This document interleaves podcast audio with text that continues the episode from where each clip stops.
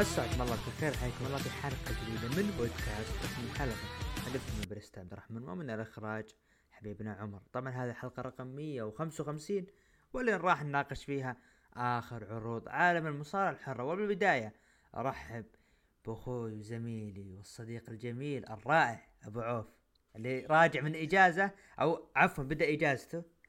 وغير بدأ غ- غير الإجازة برشلونة فاز أمس على مدريد يحق له. إيه وضع البودكاست بديت اشك ما نسجل إلا وقت مباريات برشلونة حقيقة. إما يفوز وإما يلقب. لكن آه، مساك الله بكل خير يا عبد الرحمن. ومساكم الله بكل خير مستمعين الكرام في حلقة جديدة ومتجددة من البودكاست. أتمنى تكون حلقة جميلة رائعة تنال إعجابكم واستحسانكم وتنال على ذائقتكم. الأسبوع هذا وأهم شيء فوز وأهم شيء فوز برشلونة في الكلاسيكو. برشلونة شفنا الهلال اللي ضرب الدحيل بالسبعة اللي كانت صدمة الأسبوع. سبعة والله كانت صدمة بالنسبة لي. أنا كنت وقتها توي أنا ورا أنا وأخوي راجعين من الدوام نبي نرجع للشقة ونتابع مباراة. وحنا راجعين بط يعني بالخط تونا طالعين. مباراة الشوط الشوط الأول دقيقة عشرين.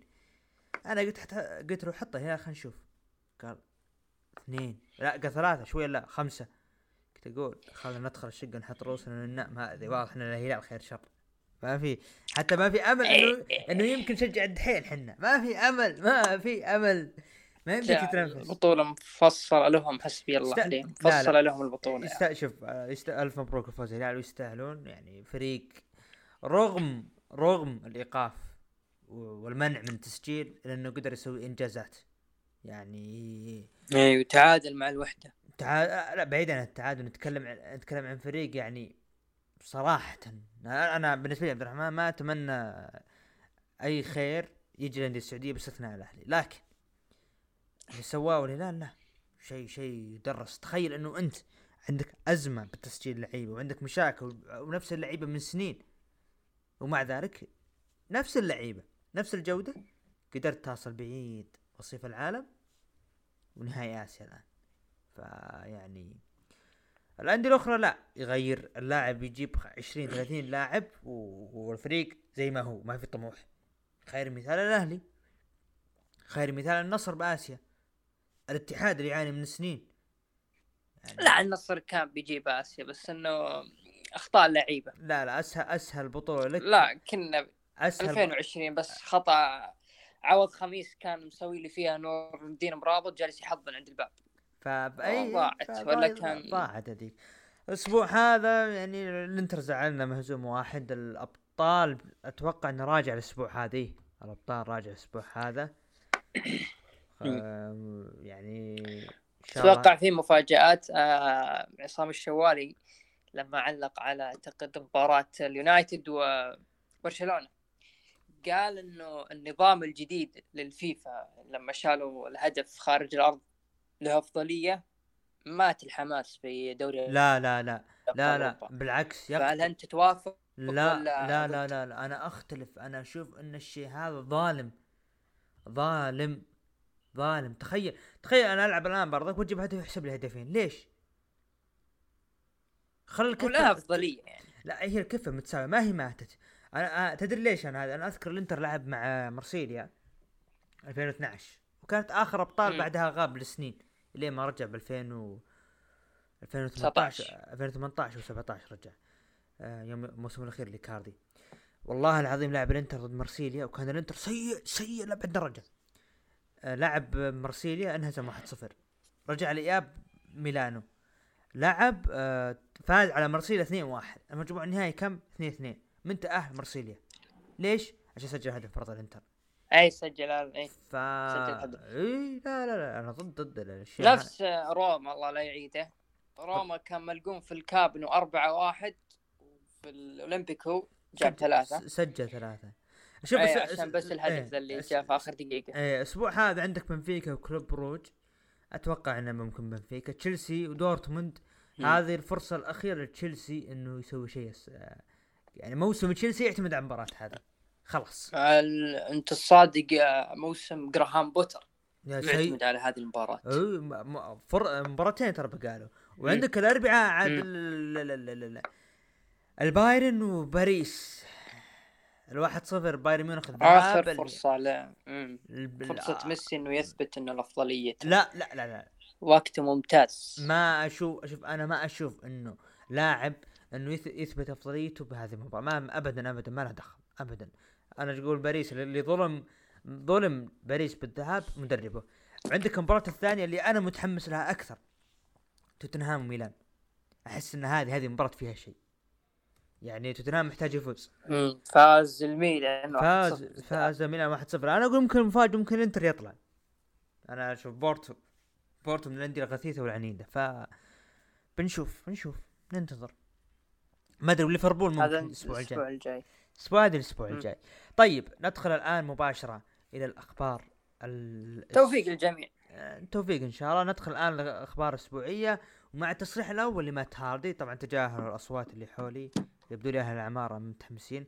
مات هاردي تكلم قال أخي جيف لما يتحدث مع إدارة AEW بخصوص العودة. نعم قضيته انتهت ولكن تفاصيل العودة غير واضحة حتى الآن.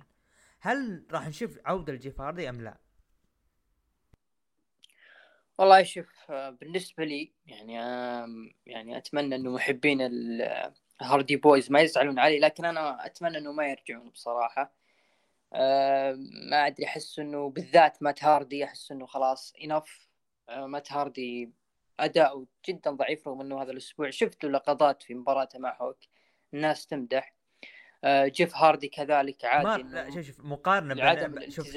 ال Hardy Boyz فأنا أتمنى إنه الفريق يم- يمسك الباب بصراحة ويس... آه، وينتظر سنتين ويكرم في ال WWE إيه. آه، بالنسبة لعيال ال Hardy Boyz لو ت... كمقارنة ترى مات هاردي ثقيل من السنين حتى يوم رجعوا لل WWE قبل كم سنة آه، عام 2000 عفوا عام 2017 أو 18 تقريبا. آه كان ثقيل مقارنة بجيف. جيف آه، يعني أرحم منه. مات لا كان ثقيل.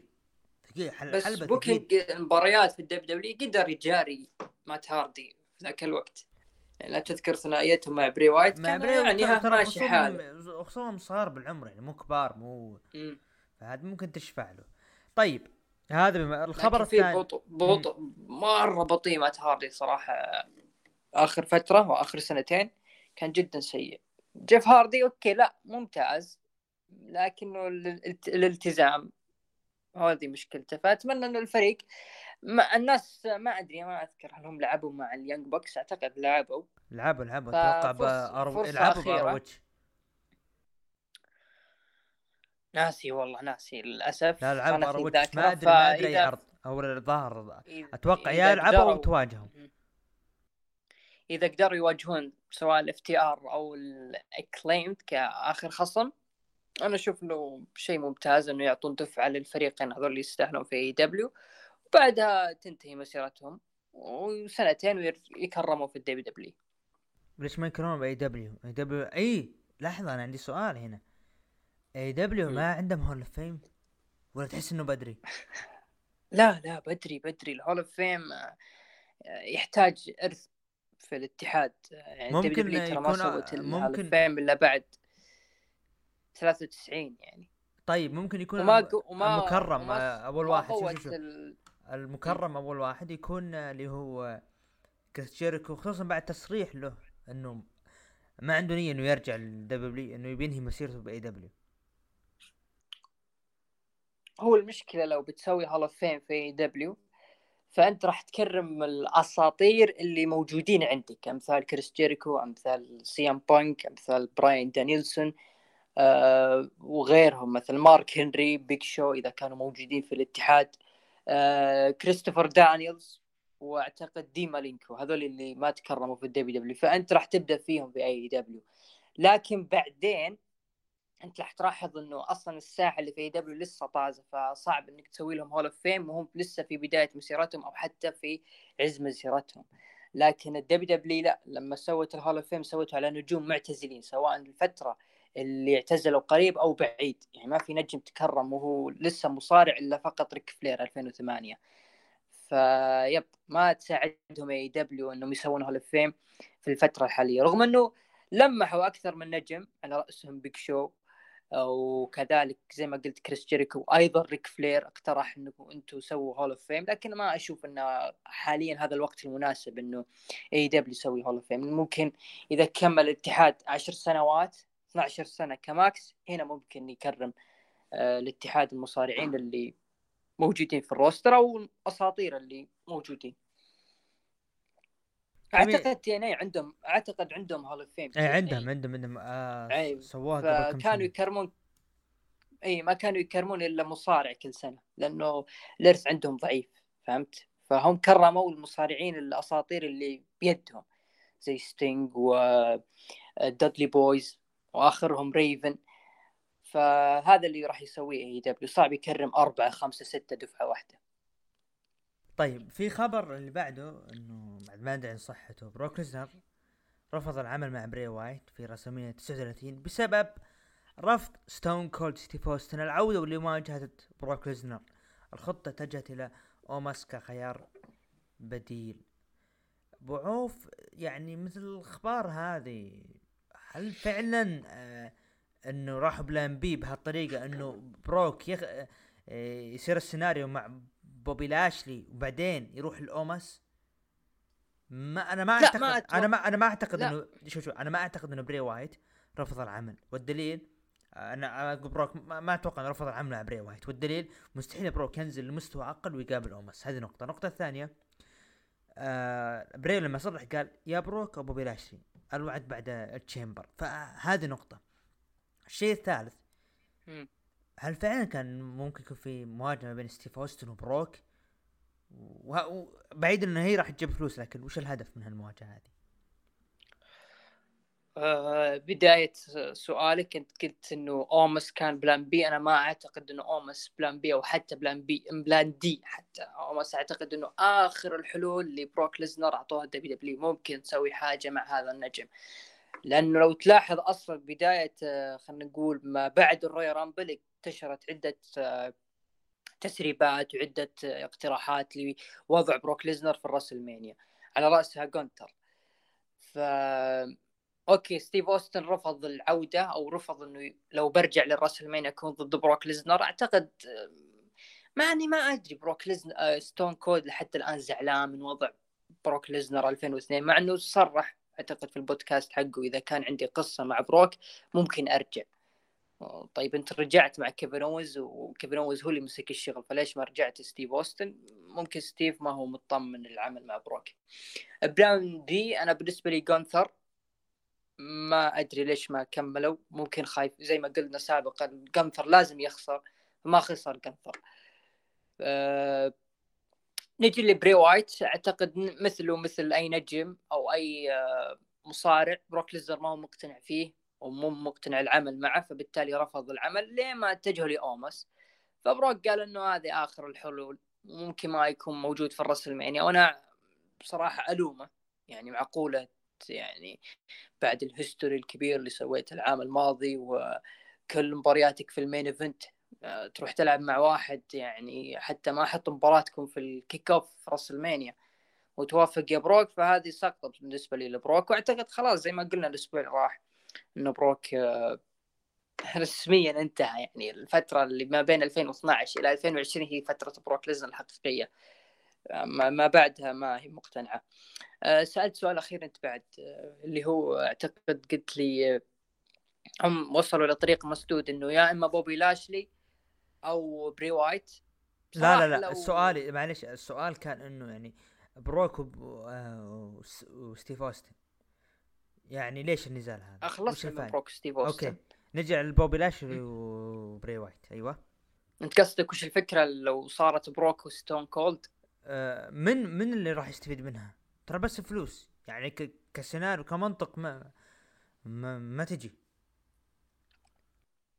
إيه ممكن بروك فقط اللي بيستفيد منها لأنه السيناريو ما صار من 2000 و 2002 فيعيدونه بعد 11 سنة بعد 21 سنة تقريبا. نعم 21 سنة يعيدون سيناريو ميت. مثل ما صار مع باتيستا وتريبل إتش. عادوا السيناريو حقه من 2005 في 2019 فهذه ممكن تكون القصة الوحيدة. إنه بروك زعلان من ستون كولد ليش ما قبلت إنك تواجهني. أما بوبي لاشلي فليته يعني النهاية اللي ما صارت في إليمنيشن يكملون تكون خلاص هذه the final chapter ويبنون عليها. وقتها يكون بوبي لاشلي فعلا انضم مع MVP ومع الشباب حقينه اللي هم ال Hurt Business ممكن تطلع بشيء حلو يفوز فيها بوبلي وتكون ختامية للقصة. لكن بروك بالنهاية اتجه للمزاج وراح لأوموس. والله أنا أختلف معك ما أعتقد إنه هو اختار أوموس لأنه في في شيء يبين السنة الجاية راح تبين كل شيء. الخبر الأخير موقع PW Insider بس هو وافق في الأخير يعني لا هم اقترحوا على أومس ما وافق. لكن هو وافق فبالتالي آه، له العصا. والله لو يجيك مبلغ وقدره أكيد تبي توافق. نروح الخبر اللي بعده. موقع موقع PWI تكلم قال يحد يعني حدث تقرير مهرجان. King of the Ring King of the Ring راح يكون بتاريخ 27 مايو ويؤكد إقامته في مدينة جدة. طبعا إلى الآن ما في شيء رسمي. هل راح يكون بطولة أم عرض؟ ف هو مكتوبين هو تضا... تضاربت الأخبار أصلا. إيه؟ في ناس تقول بيقام في الرياض في ناس قالوا بالرياض في ناس قالوا في ناس قالوا بجده إيه؟ والآن في كلام إنه مهرجان. ننتظر ننتظر الاعلام الرسمي إيه والآن مهرجان. فأحس إنه متف... متوافق سالفة إنه مهرجان آه بيكون فكرة حلوة. يعني مهرجان King of the Ring في في ال Kingdom في المملكة العربية السعودية بيكون منطقي. لكن جدة ولا الرياض؟ م. بعيد عن جدة والرياض سؤال مين ترشح من الآن إنه هو يكون آه ملك الحلبة؟ هو شوف آه، مشكلة ملك الحلبة. يعني بصراحة صارت تسليكية بزيادة وما صار لملك الحلبة له قيمة كسيناريو ك gimmick في الشخصية. فما في بالي أحد إذا كان بيكون نجم main eventer لكن لو كانوا يعني اقتراح عمر سبق واقترح إنه بطل الملك الحلبة يكون مصنف على لقب ال mid card سواء الولايات أو حتى لقب القارات يعني يصير جايز وجايز ال Money in the Bank. فأنا أشوف ممكن في كذا نجم تشاد جيبل. يعني شوف شوف شوف آه يكون يكون وش برشح لك ثلاث برشح لك ثلاث. قبل الترشيح أنا أنا عندي لك فكرة أفضل. م. مثلا أنا الحين عندك 12 12 شهر في المصارعة. أول ست شهور يكون فيها اللي هو آه الملك مو عفوا الملك الحلبة. يكون فيها أندري the Giant والفائز ياخذ فرصة على لقب اللي ياخذ اللي يفوز بال أندري the Giant ياخذ فرصة على لقب اللي هو لقب mid carder. والست أشهر اللي بعدها يكون ال King of the Ring ملك الحلبة. آه الفائز فيها آه ياخذ فرصة على لقب mid carder. بحيث إنه يكون عندك فرصتين على ألقاب mid carder والفرصة الثالثة اللي هو على لقب عالم اللي هو Money the Bank وال Rumble. فبتكون عندك أربع فرص. متاحه لجميع المصارعين. اثنين على والله القاب اثنين على ألقاب mid carder واثنين على ألقاب عالم. رايك هذه؟ وعرشح لي عاد الثلاث ماني ما آه أندري the Giant مشكلتها هي تكريمية. فإذا في مصارع بياخذها بياخذها فقط يعني إنه آه أنت عندك رصيد عندنا في هيستوري حق الدبليو دبليو إنك حصلت على أندري ذا جاينت فقط.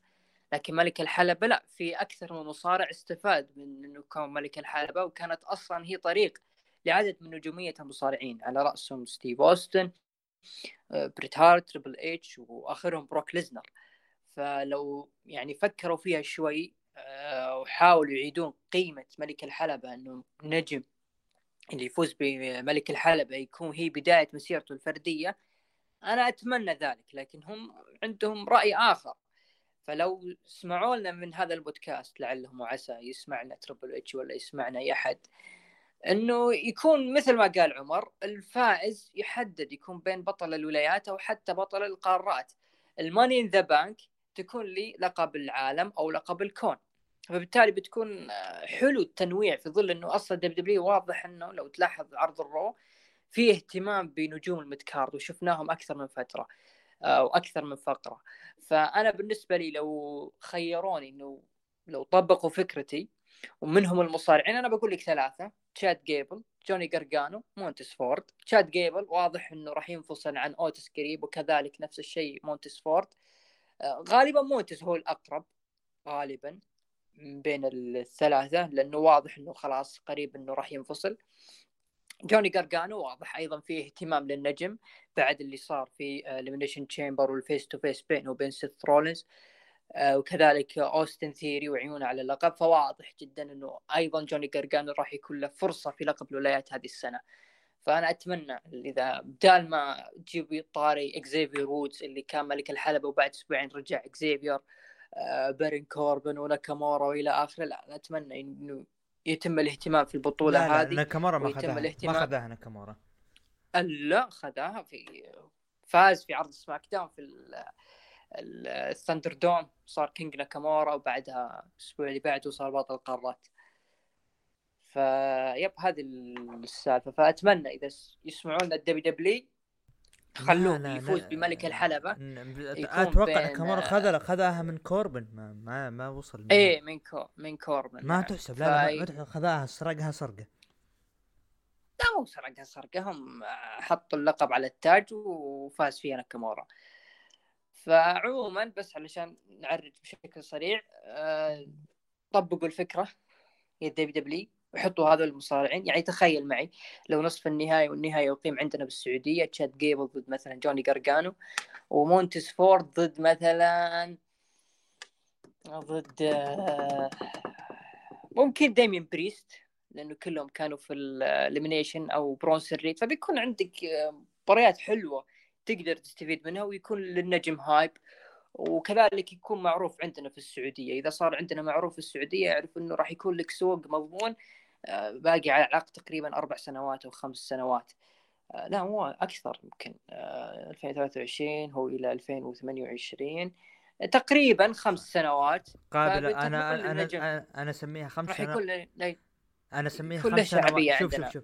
هذه أنا أسميها أسميها خمس سنوات قابلة للزياده طيب أنا بالنسبة لي أنا واضح. أتوقع أنا أتوقع والعلم عند الله. أنا ودي آه، مونتيز فورد آه، اوستن ثيري اسم ثالث تستغرب لكن برميها. إذا رومان خسر لقب العالم ليش لا ما ياخذها؟ والله شكلها كذا. ما أدري لا شوف شوف هو ما- مو استنقاص من رومان لكن تتكلم إنه كزعيم القبيلة وياخذ هذه. تتذكر السيناريو مع زافير وودز لما رفع التاج ولبسه شوف كيف إنه كان آه، لايق عليه.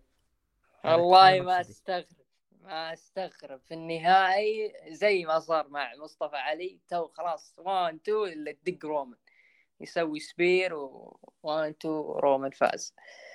فوالله ما استبعد صراحة رومان يكون هو ملك الحلبة. والله ما استبعد صراحة. لكن شوف وقتها إيش يصير. جميل جدا. هذا بما يخص أخبار هذا الأسبوع عطنا على. طول عرض الأزرق سماك داون. العرض الأزرق سماك داون. عاد لابس أنا ثوب أزرق فطق مين؟ آه، دقيقة.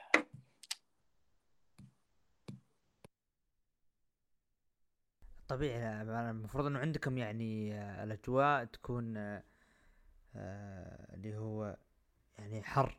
فأنا ما أدري ليه أنت مطقم أزرق ثوب. ف مستغرب أنا سالفة آه، الطقم.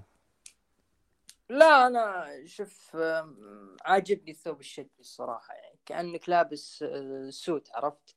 كرفات و- وافتح اول زرار كأنك لابس تي شيرت وراه تبان الفنيلة. فأنا عاجبني والله الثوب الأزرق وحزين إنه الشتاء قريب بيودع فيلا بنودع هذه الثياب الجميلة ونرجع للثوب الأبيض.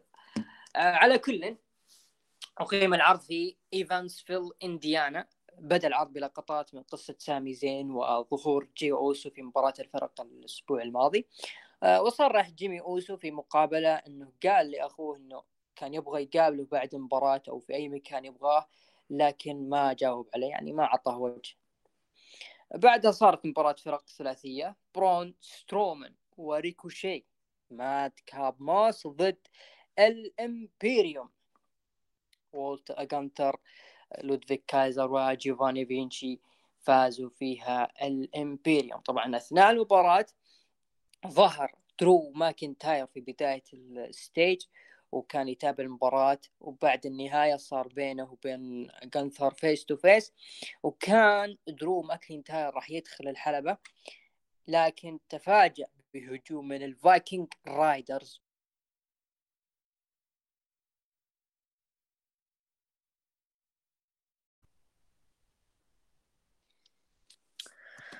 لكن دخلوا الفايكنج رايدرز وجلدوه من اللي في زعلة في زعلة شيمس وسترومان وريكوشي.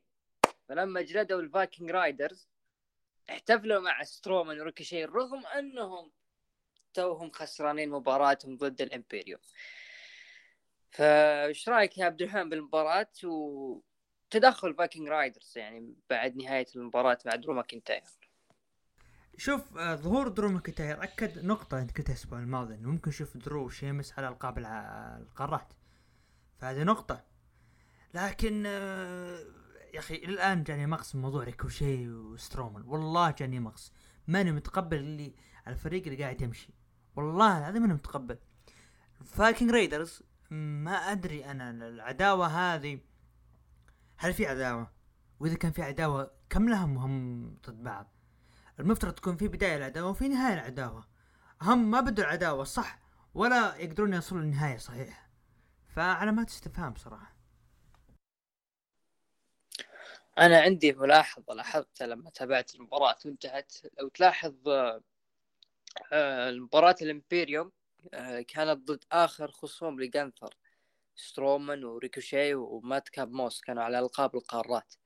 فقلت واضح إنه لما درو ماكنتاير كان موجود في الحلبة فأنه كأن إنه جانثر خلص على الخصوم ال... وانتهى موضوعهم. في نفس الشرح الآن يبدأ آه، عداوته مع أو بناء مباراته مع درو ماكينتاير هذا الشيء صار الأسبوع الماضي لما شيموس ودرو لعبوا مع الفايكنج وفازوا شيموس ودرو. فالمفروض خلاص يعني يبدأ خط لدرو جانثر لكن واضح إنه ممكن يبدون آه، سماك داون الأسبوع الجاي. آه، فأنا اللي ما عجبني أصلا خروج الامبيريوم من الصورة بشكل يعني ما ندري ليش طلعوا واحتفال ريكوشي وسترومان. يعني هذه ترى اللقطة ما تصير في إلا في عروض live يعني عروض house show.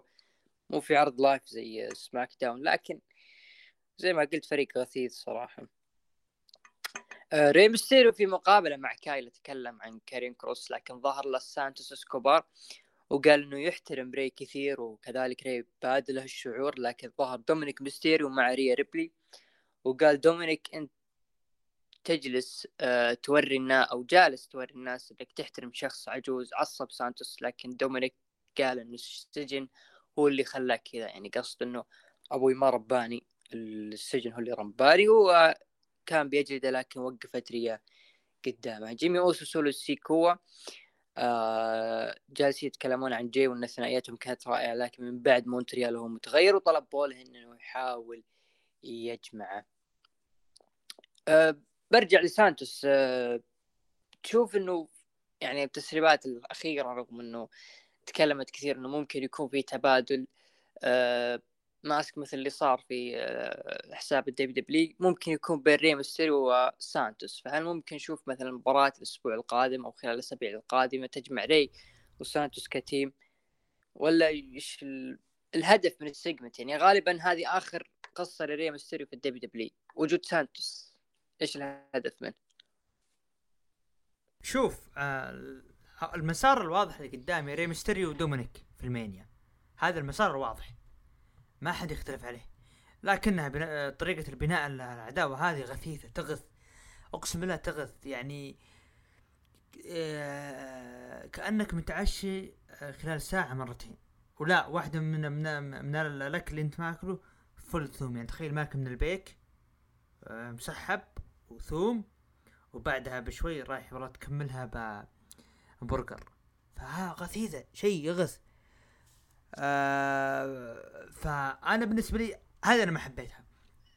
سانتوس اسكوبار ما أدري هل هو بحاجة القناع لأنه بيني وبينك يا أبو عوف سانتوس شال القناع لما كان في NXT. أول لما ظهر بشخصية الفانتازما ذكرني نسيت اسمه. آه أول ما ظهر ب NXT.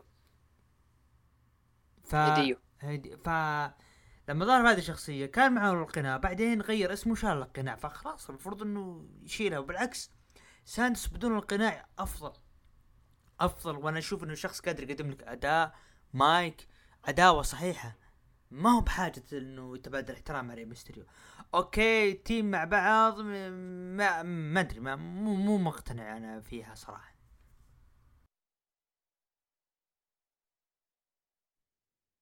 الحين يجيك الغث الصدق يا دخل LA Knight وقال إنه الجميع يبغون لحظة في WrestleMania أنا ما أحتاج لحظة في WrestleMania أنا هنا علشان المال والألقاب. وكيف تكون WrestleMania في LA بدون LA Knight دخل New Day وقال كوفي من هو أصلا LA قال اكزيفير إحنا عندنا host خلانا نجمع الأموال وأنت لابس آه، لبس يعني مزيف وتقليد وتكلم عن KofiMania. قال LA أنا ترى ما اهتميت بلحظة ككوفي أصلا كيف جت KofiMania لك؟ وش استفدت منها؟ طبعا كوفي هنا عصب وقال أنا اشتغلت على نفسي وحاربت لين وصلت لها. طبعا جاك وودز وطلب مباراة لكوفي وقال يا آدم إذا أنت تسمعني وموافق على المباراة هات حكم وبالفعل جاء حكم وصارت مباراة LA Knight ضد كوفي كينغستون فاز فيها كوفي كينغستون.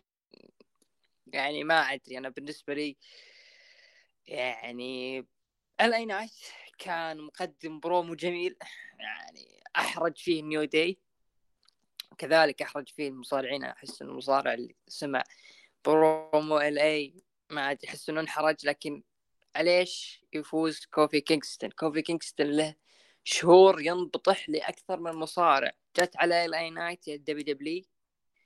كمان آه أنا بالنسبة لي بعد promo LA Knight والخسارة الجمهور برد. برد لين نهاية العرض. معك أنا أنا أنا معك من ناحية إنه ليش يخسر LA Knight لكن أنا عجبني لما تكلم LA Knight بلحظة كو KofiMania وكوفي يقول أنا اشتغلت على نفسي وحاربت. معليش كوفي ترى لولا الجمهور؟ راحت عليك من زمان. جت صدفة يا رجال. لو ما أصيب مصطفى علي كان ما جت يا رجال. لا ادرك نتكلم ما بعد الاصابة الجمهور تفاعل معك وقف معك الجمهور. آه الكلام ما بعد WrestleMania. كم عداوة قدمتها كانت ممتازة؟ ينعدون على الاصابع عداوة عداوة احتم مع راندي بس. راندي و... أتوقع سمو جو ما خاب ظني. ما خاب ظني سمو جو. فبس بس بس. وبعدين؟ بروك فاز فوز سريع وخذ اللقب منك. وهذا يدل إنه طريقة فوز بروك عليك إنه ما قدمت شيء. فيعني مع كامل التقدير واحترام الكوفي ومسيرته. بالنسبة ل Knight، Knight يرون إنه هو فعلا شخص ترى يقدر له ثقله بالبروموهات في العروض الأسبوعية. فهم يبغون يرمون أي شيء لكن خسارته علامات استفهام برضو. أنا راح أكثر علامات استفهام في هذه الحلقة واجد. كذلك هو اشر على WrestleMania ما ندري إيش بيكون القادم له في WrestleMania. ما في أي خصوم متوفرين لكن ننتظر ونشوف. ما أدري أحس إنه بيكون بنجيها في عرض ال Raw إعلان ال host. أحس إنه LA Knight بيكون هناك مع ال host. آه، دخلت بطلة نساء SmackDown شارلوت فلير وقالت ريا صرحت إنها بتظهر ب SmackDown والناس تنتظر فقرة ال face to face okay خلينا نبدأ. ما ظهرت ريا ريبلي وبدت شارلوت تستفزها وقالت تذكرين آخر مرة تقابلنا إذا إيه ليش تطلبي التحدي ضدي؟ دخل دومينيك وجلس يطقطق على تشارلوت حتى سماها queenie. قالت تشارلوت ليش ريا ما تظهر للحلبة؟ ترى الحلبة للكبار والفقرة للحريم يعني المفروض أنت ما تظهر. دومينيك فجأة قام يتغزل فيها ريا ريبلي, ريا ريبلي ثم الحول على تشارلوت وقاعد يمدحها وحالة ام حالة. لين تشارلوت قالت أنا ترى عندي رجل لاتيني في البيت ويناديني mommy بشكل أقوى من اللي أنت تقوله. قال دومينيك فينا شيء مشترك كلانا جيل ثاني ولكن كلنا تفوقنا على أبانا إذا تسمين أبوي أب. وجلس يذب عليه قالت تشارلوت أنا أحب أو قالت تشارلوت أنا أحب والدي لكن لو هو موجود كان جلدك لكن دام مو موجود يعني جهزت تشارلوت إنها بتجري لكن دخلت ريا ريبلي وصار بينهم face to face وكان يعني بيكون فيه آه، مضارب لكن دومينيك بعد ريا ريبلي. آه واضح واضح مو بس ضعف دومينيك. التوجه الغريب لموضوع كلمة مامي آه وكيف إنه يأخذونها على نظام إنه أوه دومينيك يقول ما daddy ماخذينه daddy. زي daddy يعني. يا أخوان يا أخوان مع كامل الاحترام. PG مو قصة PG عداوة ما بين شارلوت فلير وعداوة ما بين ريا ريبلي. إيش دخل mommy ما mommy بهذه العداوة؟ عداوة كانت ماشية صح. لما تكلمت ريا ريبلي تكلمت شارلوت قالت أنا أنا هزمتك. ردت ريا ريبلي قالت إنه okay أنت هزمتيني لكن أنا حذرة هذه المرة. هذا okay okay أنا متقبل أنا متقبل الشيء هذا. لكن تجيب لي mommy ودومينيك تخبر عد... اكتب لا صدق. اطلعوا سووا روحوا معلش روحوا اطلعوا. من ال- ال- السماك داون روحوا سووا لكم قناة خاصة وحطوا فيها اشتراك واكتبوا آه شارلوت فلير ضد ريا ريبلي وحطوا تحت how to say mommy how to say daddy وخلوهم. واكسبوا المشتركين. عداوة راسلمانيا يكون فيها كذا. شوية احترام ومنطق. مو سالفة احترام ومنطق آه، كثر ما إنه ريا ريبلي هي اللي طلبت الفقرة. فليش ما ظهرت؟ هنا السؤال. رغم إنه كان لها برومو قوي في رو الماضي آه، كان واضح إنه مجهز الفقرة لكن دخل دومينيك. وتخيل ترى الجمهور ما تفاعل رغم إنه الذبات اللي قالوها ترى plus 18 لكن ولا واحد منهم تفاعل. فهذا يدلك إنه البرومو أصلا كان ضعيف. اللي بعدها نتاليا ضد شينا بيزلر. فازت شينا بيزلر بعد المباراة. جت روندا روزي تضرب نتاليا لكن دخلت تيجن ناكس وضربت روندا روزي. وش وروندا روزي وشينا بيزلر طلعوا من الحلبة. خايفين من من؟ تيجن ناكس. الله يا دبليو دبليو. الله أكبر. Two former fighters they fear from تيجن ناكس. okay. بعد شفنا فقرة ال fly أو ال Firefly Fun House فقرة ما هي مفهومة ابدا. آه، كل اللي صار فيها تغيرات أبرز إيه، اللي فيها علامات استفهام إنه اغلب الناس ما فهمها وفعلا أنا استغربت. لكن عندي إيه، عندي عندي هاود عندي عندي تعقيب على اللي صار لي قبل. أنا أنا توقعت الأسبوع الماضي روندا روزي وكذلك اللي هي شينا بيزلر إنه ممكن يكون لها شيء مشترك على ألقاب الفرق. أه، فأنا نزلت عندي إحساس ممكن يصير الشيء هذا ممكن تكون مباراة نسائية تجمع أكثر من فريق. المفروض بس. طبعا هذا في المانيا راح يكون أيوه. بس ما صار شيء واضح ما في يعني ثنائيتهم بس كذا ثنائية. وبس عب فيها وقت. وشينا بيزلر والله لو تسمع نصيحتي إنها تضيف قشة وتطلع. البنت ما عندها شيء تقدمه. آه، الفرها الفن هاوس كان فيها أكثر من لقطة. فيها لقطة لبري آه، ممثل وجاي من هوليوود. آه، أنكل هاودي كان زي ما تقول آه، هذا حق نشرة الأخبار الجوية فجأة. ال Fun House ما أعطوه أي اعتبار ففقرة زي ما قلنا يعني ما هي واضحة. وأحس هذه بداية الضياع لبري وايت. بصراحة هذا اللي أنا أشوفه. بادي, آه، بادي والله بادي يزعلني بادي يزعلنا بري. لا لا بادي يضيع. صراحة بادي يضيع. آه، مباراة كارين كروس ضد ري ميستيريو فاز فيها. كارين كروس بعد تشتيت من دومينيك. بعد المباراة دومينيك استفز ري وصار يدفه كثير وري ناظر فيه معصب ودومينيك يقول اضربني اضربني لكن ري ما أدري ليه متحامل وطلع أه ما أدري أحس إنه كارين كروس بدأ يكون شوي آه، رايق على الحلبة مو مثل لما كان مع درو شوي يحسسك إنه متوحش أو درو فعلا خصمه لكن أشوف في المباراة مع ري كان هادي. وأنا أشوف نقطة حلوة لكرو- لكروس انه يهدي اللعب شوي لا يكون متحمس ما يتسبب باصابة لأحد النجوم. وفي نجم ثاني في إن إكس تي كنت أتوقع إنه بيكون نهاية نجوم أو أحد نجوم إن إكس تي على يده لكن برضه هو الرجال هد اللعب وهذا شيء جميل. ال main event آه، دخول جيمي أوسو وقال أدري إنك تتابعني وين ما كنت لكن هذا الكلام من أخ لأخوه من توأم لتوأم لكن ظهر سمي زي من الجمهور وقال أنا ما جيت هنا علشان أتضارب معك أو أي شيء أدري إن كلامك موجه لجي لكن أنا أبغى أكلمك. إحنا أصدقاء أنت اللي وثقت فيني على عكس جاي و... ولما وقت آه، بول هيمن يحاول يشك فيني أنت كنت مدافع عني وبدونك ما كنت الأوسي وأنت اللي أعطيتني الأوسي الشرفي honorary Uce. قال جيمي أنت جاي تلومني أنا اللي ألومك أنت اللي سويت كل هذا وهجومك اللي صار في الرامبل هو اللي خلاني أضربك والآن جاي يعني قريب راح أخسره. قال سامي ترى بلود لاين ما هي رومان لحاله كلنا تشملنا.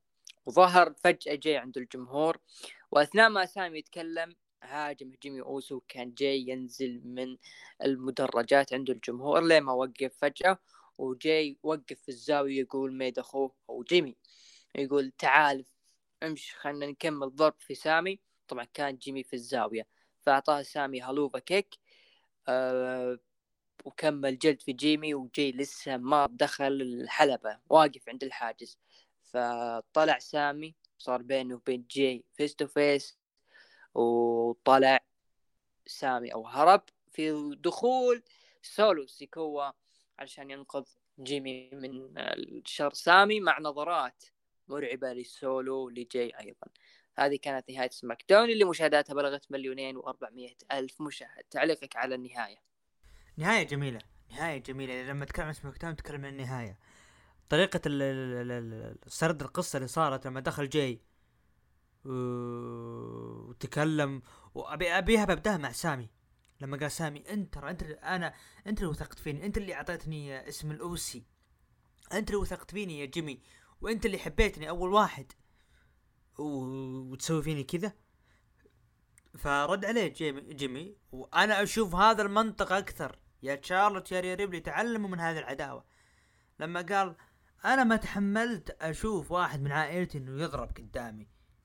طبيعي ان أسوي الشيء هذا. ف على قولتنا عندنا عند أهل الشمال جته الحمية. عيال ع... ولد عمه مضروب وهو يطالع. أكيد بيقوم بيفزع ولد عمه. فهذا ما هذا هذا الفكرة هذا المنطق هذا الصح. إنه سامي عطى اللي عنده ورد عليه جيمي بكلام مقنع. فأنا والله حبيت النهايه يعني نهاية جدا جدا جميلة حتى نظرات جاي. وايش بيكون؟ الانشقاق بيكون في فيها وش وضع ألقاب العالم ألقاب الفرق عفوا. ما بعد رومان لو خسر في المانيا إيش راح يكون وضع البلود لاين؟ هنا الكلام. تقييمك. للعرض والله العرض أنا خمسة ونص من عشرة خمسة ونص من عشرة عشان ال main event صراحة. أنا أيضا أراه خمسة من عشرة. آه نروح لتقييم المستمعين. أعطوا من تسعة إلى عشرة سبعة عشر في المية من خمسة إلى ثمانية ثمانية وخمسين في المية وأقل من خمسة أعطوه خمسة وعشرين في المية. آه كان هذا عرض سماك داون هذا الأسبوع. نروح لعرض الرو. معك يا عبد الرحمن. العرض الأحمر وعلى طاري النهاية اللي صارت في سماك داون هنا التكملة. افتتح العرض بدخول أعضاء بلود لاين جيمي وسولو سكوا وقال جيمي بلود لاين وصلوا لمدينتكم وقال شفنا كل شيء والكل تك... تكلم عن انشقاق البلود لاين وقال إذا كنت رجل غريب وتشوف هالشيء قاعد يصير نعم صحيح. في مشاكل في العائلة لكن كعائلة دائما نتشاجر. يقصد إنه تصير بكل العوائل. والجمهور هتف باسم سامي سامي. قال جيمي okay سامي. تقولون انشقاق انشقاق عفوا بنذكركم كيفن اوينز وش صار آه، فيه؟ بالرامبل. تفوق على بلود لاين؟ nope. سامي زين. في ديرته بمونتريال؟ تفوق على بلود لاين؟ nope. ولد ولدكم كودي رودز. طبعا الجمهور عطى تفاعل قوي لكودي رودز. قال تتوقعون في المانيا راح يتفوق على زعيم القبيلة؟ hell nope. وعلى طاري زعيم القبيلة رومان رينز بيكون في سماك داون القادم وليذكر الجميع بمن يدير عرض سماك داون وأنا وأخوي سولو سكوا هنا نذكر الجميع بمن يدير عرض الرو والكل اللي بغرفة الملابس وخصوصا سماك داون نبدأ فيها ودقت موسيقى مين؟ ستريت بروفيتس واثناء دخول بروفيتس طقطقوا على بلود لاين قالوا وين جاي؟ جاي وينه؟ جاي وينه؟ قام ينادون من بين الجمهور بعدين تكلم مونتيز قال أنتم آه يعني خسرتوا جسر مهم بعائلتكم. وتتفاخرون بأنكم تديرون الرو سماك داون وأنتم أصلا ما تقدرون تديرون عائلتكم. ورد جيمي قال لا تجيب طاري عائلتنا ولا بيصير لكم شيء ما هو من صالحك. فقال مونتيز فورد صح شو بتسوي مثلا؟ إحنا جايين نبي, القتال هنا صار هجوما بين الفريقين. ستريت بروفيتس ضد آه، جيمي وسولو وانتهت برضه بانتصار لي جيمي وسولو سكوا بعد مباراة. هاجموا البروفيتس ولكن ظهر كيفن اوينز ونفذ superkick على سولو و Stunner على جيمي وانسحب من الحلبة. رأيك باللي صار آه زي ما قلت افتتاحية حلوة آه امتداد لنهاية اللي صار في آه برومو سماك داون بين جيمي وسامي لكن هذه المرة انتهى بجيمي وكيفن اوينز فهذه لفتة حلوة من الكتاب. آه أيضا عندك آه جيمي. أعتقد هذه من فترة طويلة ما أخذ مساحته في البرومو فهذا وقت إنه يعني إنه الناس أصلا فضلت جي على جيمي بسبب إنه آه، في المايك كويس وفرديا ممتاز. فهذا وقت إنه جيمي يكون زي ما تقول آه، حامي ال Bloodline بعد جاي آه، عجبني كثير أيضا مونتيز فورد. لما استخدم where are you جاي أنا وين الله قعدت اضحك حتى لما سمعتك تقرأ التقرير وضحكت تذكرت مونتيز ف لا لا البرومو اللي صار بينهم ما مونتيز الشهر هذا شهره من ناحية أداء مباريات و promoهات. yep yep. فخلاص تقريبا هذه بالنسبة لي يعني من بعد ال Elimination Chamber و WWE كأنها سمعت تحليلنا لخبر ملك الحلبة. فهذه راح تكون لبنات أساسية لمونتيز فورد يكون في آه، كمصارع فردي. آه، كذلك يعني في آه، أتذكر لما أتذكر البرومو اللي صار بينهم لاحظ انه مونتيز أخذ مساحة كبيرة في البرومو بخلاف أنجلو. فهذا أيضا لمحات إنه مونتيز راح يكون له مصارع فردي وبيكون شيء ممتاز بخلاف أنجلو اللي الله يكون في عونه. آه، بالنسبة للمباراة آه، ما أدري هل أحد لاحظ ولا لكن أنا عجبني مستوى سولوسيكو رغم إنه ما كان يعني له لحظات كثيرة في المباراة لكن أنا عجبني أداءه. وأعتقد هذه ممكن تكون من أفضل المباريات اللي قدمها حتى الآن في العروض الرئيسية. وأحس أنه النجم ينفع يكون كتاك تيم أكثر من فردي. آه، ما أدري هل أنت لاحظت معي ولا لا لكن آه، فكرة حلوة أنا أشوف يعني مستقبلا في حال أنه جاي آه، انسحاب أو جته إصابة فسولو سيكوا راح يكون يعني خيار جدا ممتاز لجيمي لو لعبوا مع WrestleMania ما أدري ليش تفاولت على جاي فجأة لكن عجبني مستوى سولو سيكوا أحس إنه فعلا لو يكون فريق يضبط له فريق بعد ال Bloodline بيكون شيء ممتاز. ومباراة يعني كعادة ال Profits وال Bloodline دائما تظهر بشكل ممتاز. أتفق معك أتكلم عن سولو نعم لكن كف... كفردي تحس إنه بدري باقي يبيله يبيله وقت. تقول لا بدري ما ما, ما نستعجل على النجم هذا. طيب الله أكبر. آه طبعا آه، شفنا اللي هو آه اللي هو MVP ال lounge لكن بروك ظهر أول شخص ودخل حلبة وجلس على الكنب ودقت موسيقى MVP ودخل وهو مستغرب قال مستر ليزنر. أنا دعوتك هنا علشان تقبل التحدي والله المست... والله المستغرب أنا وراها مغير أغنيته. إي ما شك والله أنا زعلان. فقال عاد حفظتها كامله أنا. فقال إنه إنه أنا دعوتك عشان تقبل التحدي لكن مو بهالطريقة هذه. قال بروك مساء الخير يا ميشيغن وآسف إني جيت بدري وأنضم لي يا MVP. وقال MVP لا لا أنا مرتاح برا. وقال بروك أنا ما راح آكلك وأنا مهتم بال business وأسمع وأسمع منك بالمكان الجميل في الحلبة آه، وانه نرتب قتال لبروك قال MVP أنا أجيك وما تسوي شيء. قال بروك أكيد ما ما, ما راح أسوي شيء.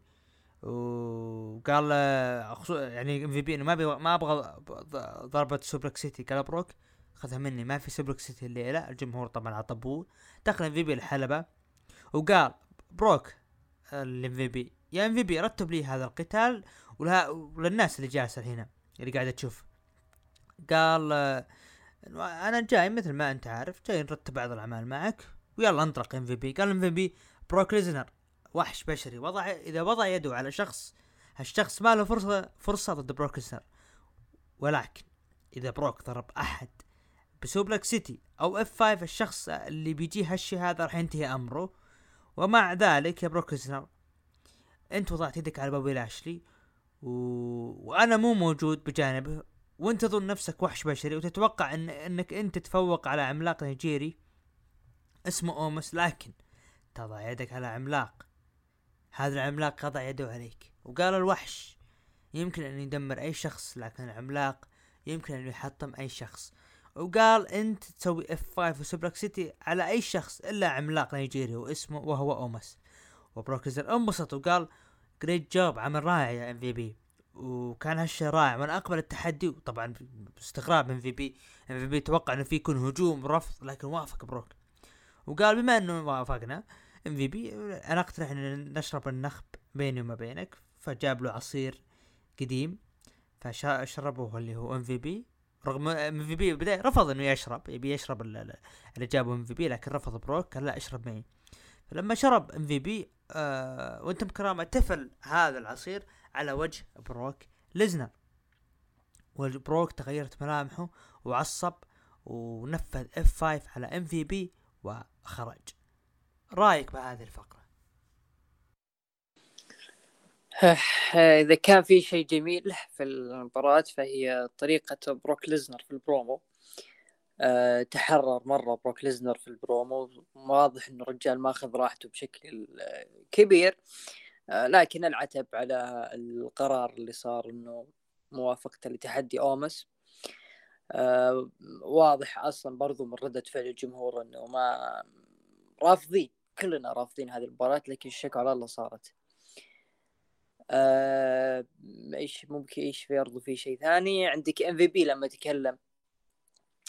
عن سالفة إنه أنت ما سويت F5 على شك على شخص ضخم ضخم أعتقد MVP نسى بيق شو 500 pound أه ما أدري ليش سموا المباراة على كلام كوري جريفز إنها Clash of the Titans بروك ما يعتبر شخص عملاق يعتبر وحش. يعني كان المفروض يقول giant versus the beast أو giant versus incarnate إلى اخره من ألقاب بروك ليزنر لكن giant versus giant هذه ما ما اقتنعت فيها.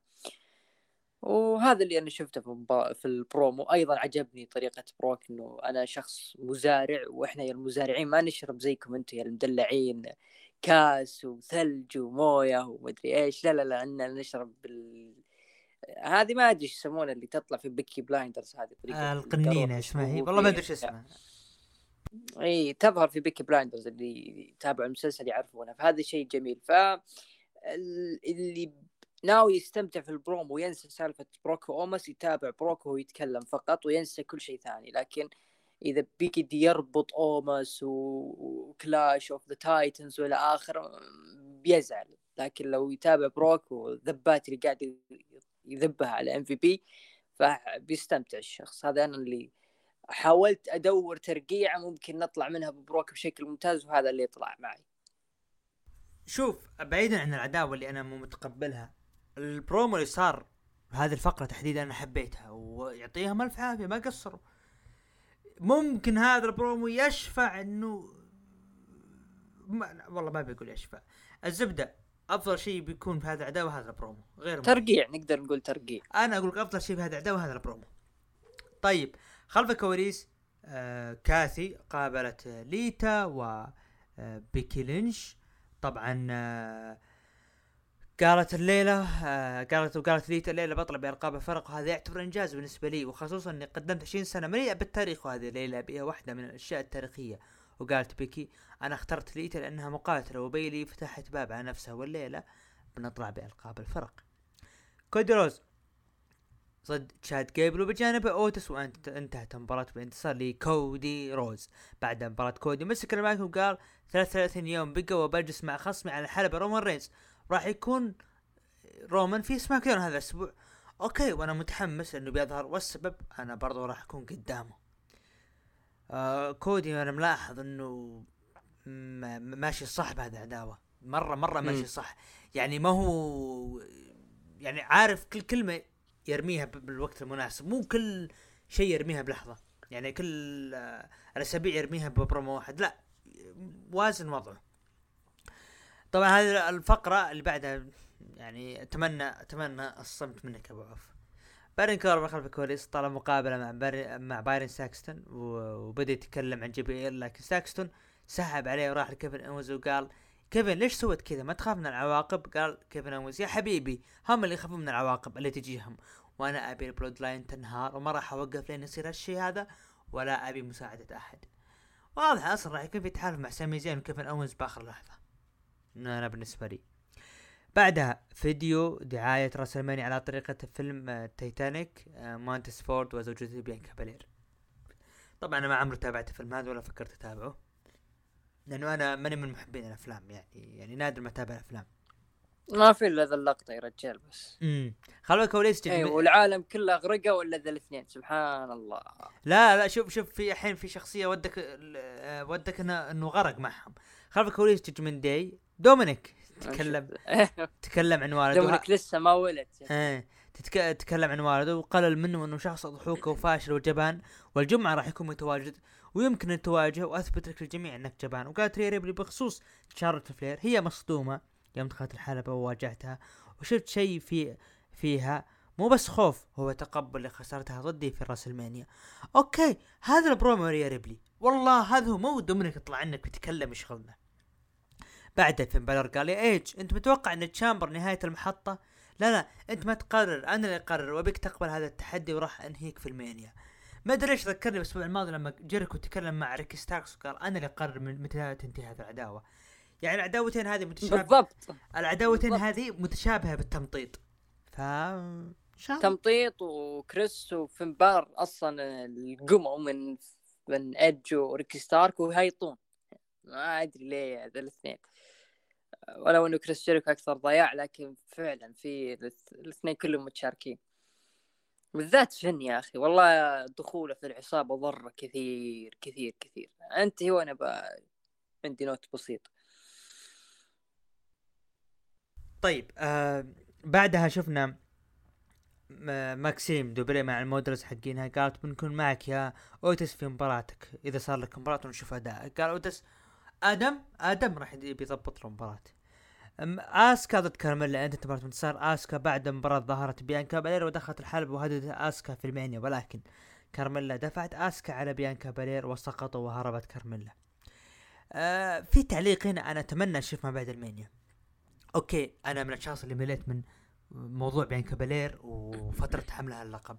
لكن آه، ما أدري أنا متحمس أشوف بيانكا بالير ك heel وأتمنى يقدمونها شيء. أحس إنه تضبط ك heel. وش رايك؟ خصوصا البنت ملسونه يعني. آه ممكن ممكن لكن يتوفر خصم face ممتاز يغطي بيانكا بيلر. انت لو تلاحظ الخصوم حاليا كلهم آه، تقريبا heels آه المرتبة الأولى بيلي آه بيكي لينش okay هي face لكن لو تحولت ال heel أصلا بيكي في الفترة الحالية كل الشخصيتين غثيثة. أسكا واضح إنها ما هي heel هي شخصية خلينا نقول معقد شوي ما أنت فاهم إيش تفكر فيه البنت. فما في شخصية هي face آه، ممكن يوقف مع بيانكا لو صارت heel عرفت؟ ممكن ممكن تكون heel ضد heel ومثلا تكون بيلي آه، توينر ترجع مثلا عداوتهم اللي توقفت بعد كم من 2021 آه، ممكن تحولت بيانكا heel وممكن نشوف شيء منه ممتاز. بايبر نيفن ضد ضد كانسلري وأثناء دخولها دخول كانديس لوراي أنت مستانس انهم رجعوا اسمها القديم. لا إيش مستانس خسرت. شفنا ظهور لنيكي كروس وأنت تمارس متصل لكانسلري بمساعدة نيكي كروس لها.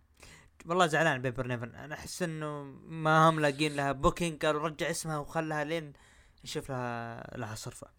جوني قرقانو قال عندي مباراة ضد اوتس وأشغلني يبيها لكن ظهروا من داي وقال ديميا بريست يعني معقول تتحاورون مع الأشكال هذه؟ وقال جوني يا بايرن يعني آه، تعب يحاور بالغين يعتمدون على غيرهم. وقال بريست أنا أسقطتك بال chamber شكلي بسقطك هذا الأسبوع.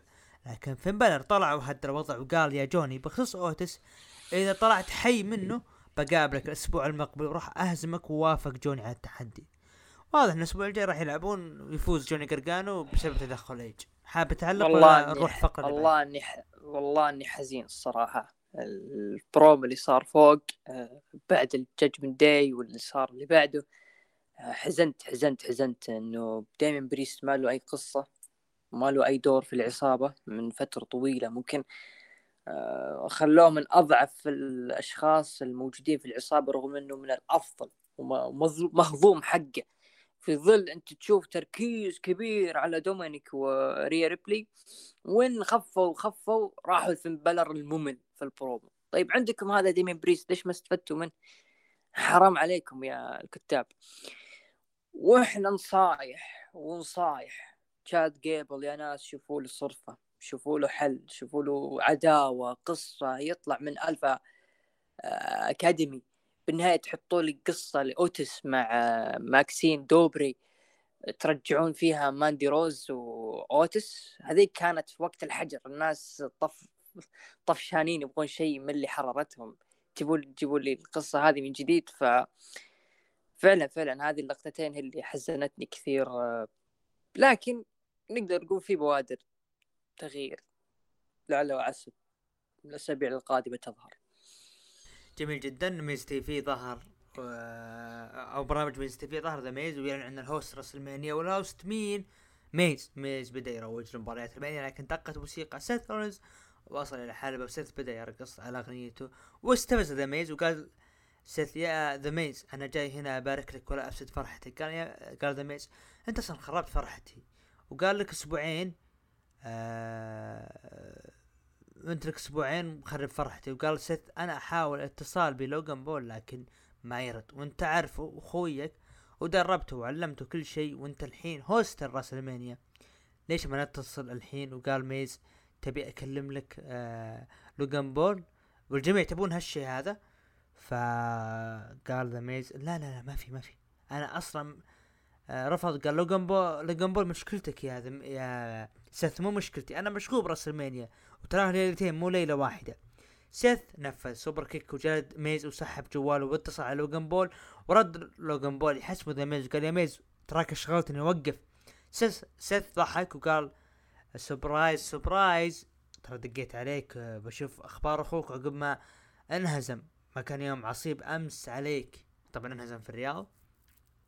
وقال أبيك الأسبوع الجاي تظهر وتواجهني وقال لوغان بول موافق وبشوفك. وجها لوجه الأسبوع المقبل وسيث جلد اللي هو ذا آه ميز آه مرة ثانية وطلع. يعني لوغان بول بنشوف الأسبوع الجاي. الجمهور بدأ يتقبل لوغان بول لا بالعكس لما ذا ميز طرى لوغان جاء استهجان بسيط لكن ما ممكن ما انتبهت أو الدبليو دبليو مخفضين اصوات الجمهور بس عشان يحمون النجوم اللي يبغونهم. فأنا أحس لو ترجع للقطة فعلا ترى جاء استهجان للوجن اللي بسرعة على طول دخل سيث رولنز فعلشان بس يحمسون الجمهور.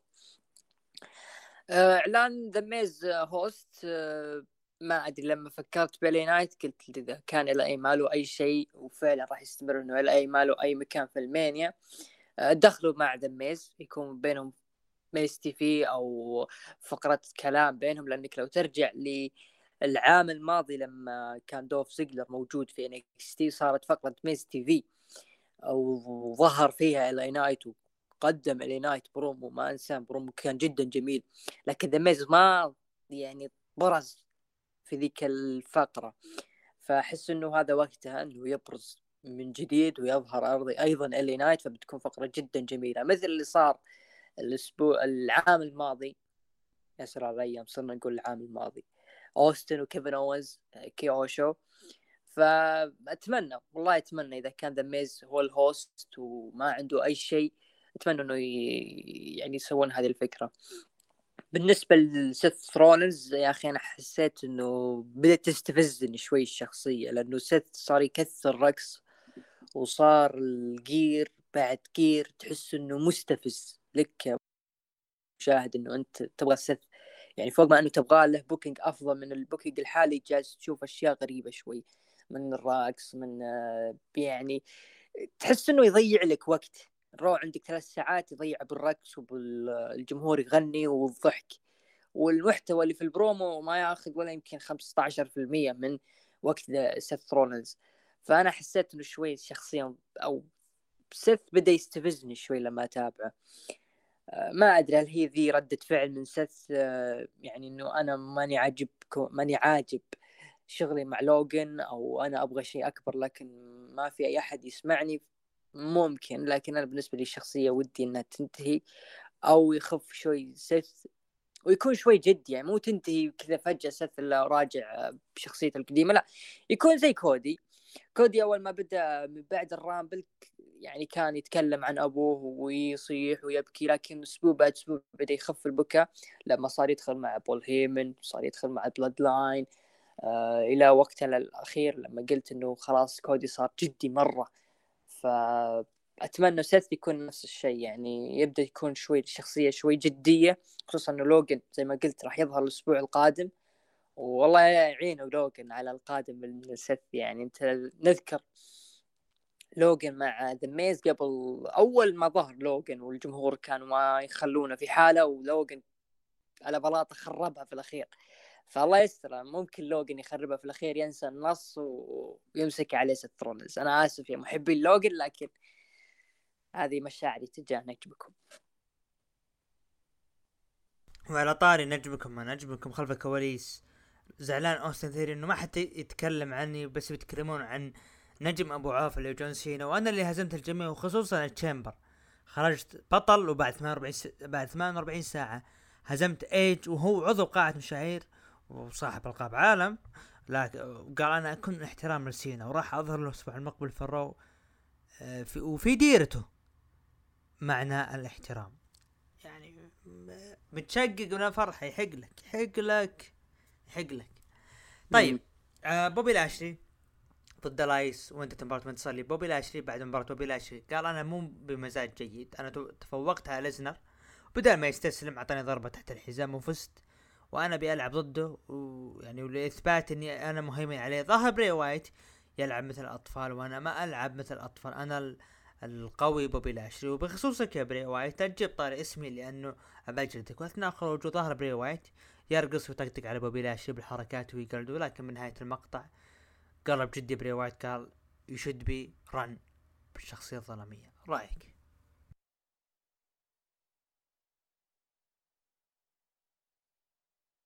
آه ما عندي أي تعليق صراحة. يعني هو آه، زي ما تقول آه، بوبي كان عنده رد فعل بعد اللي صار مع بروك.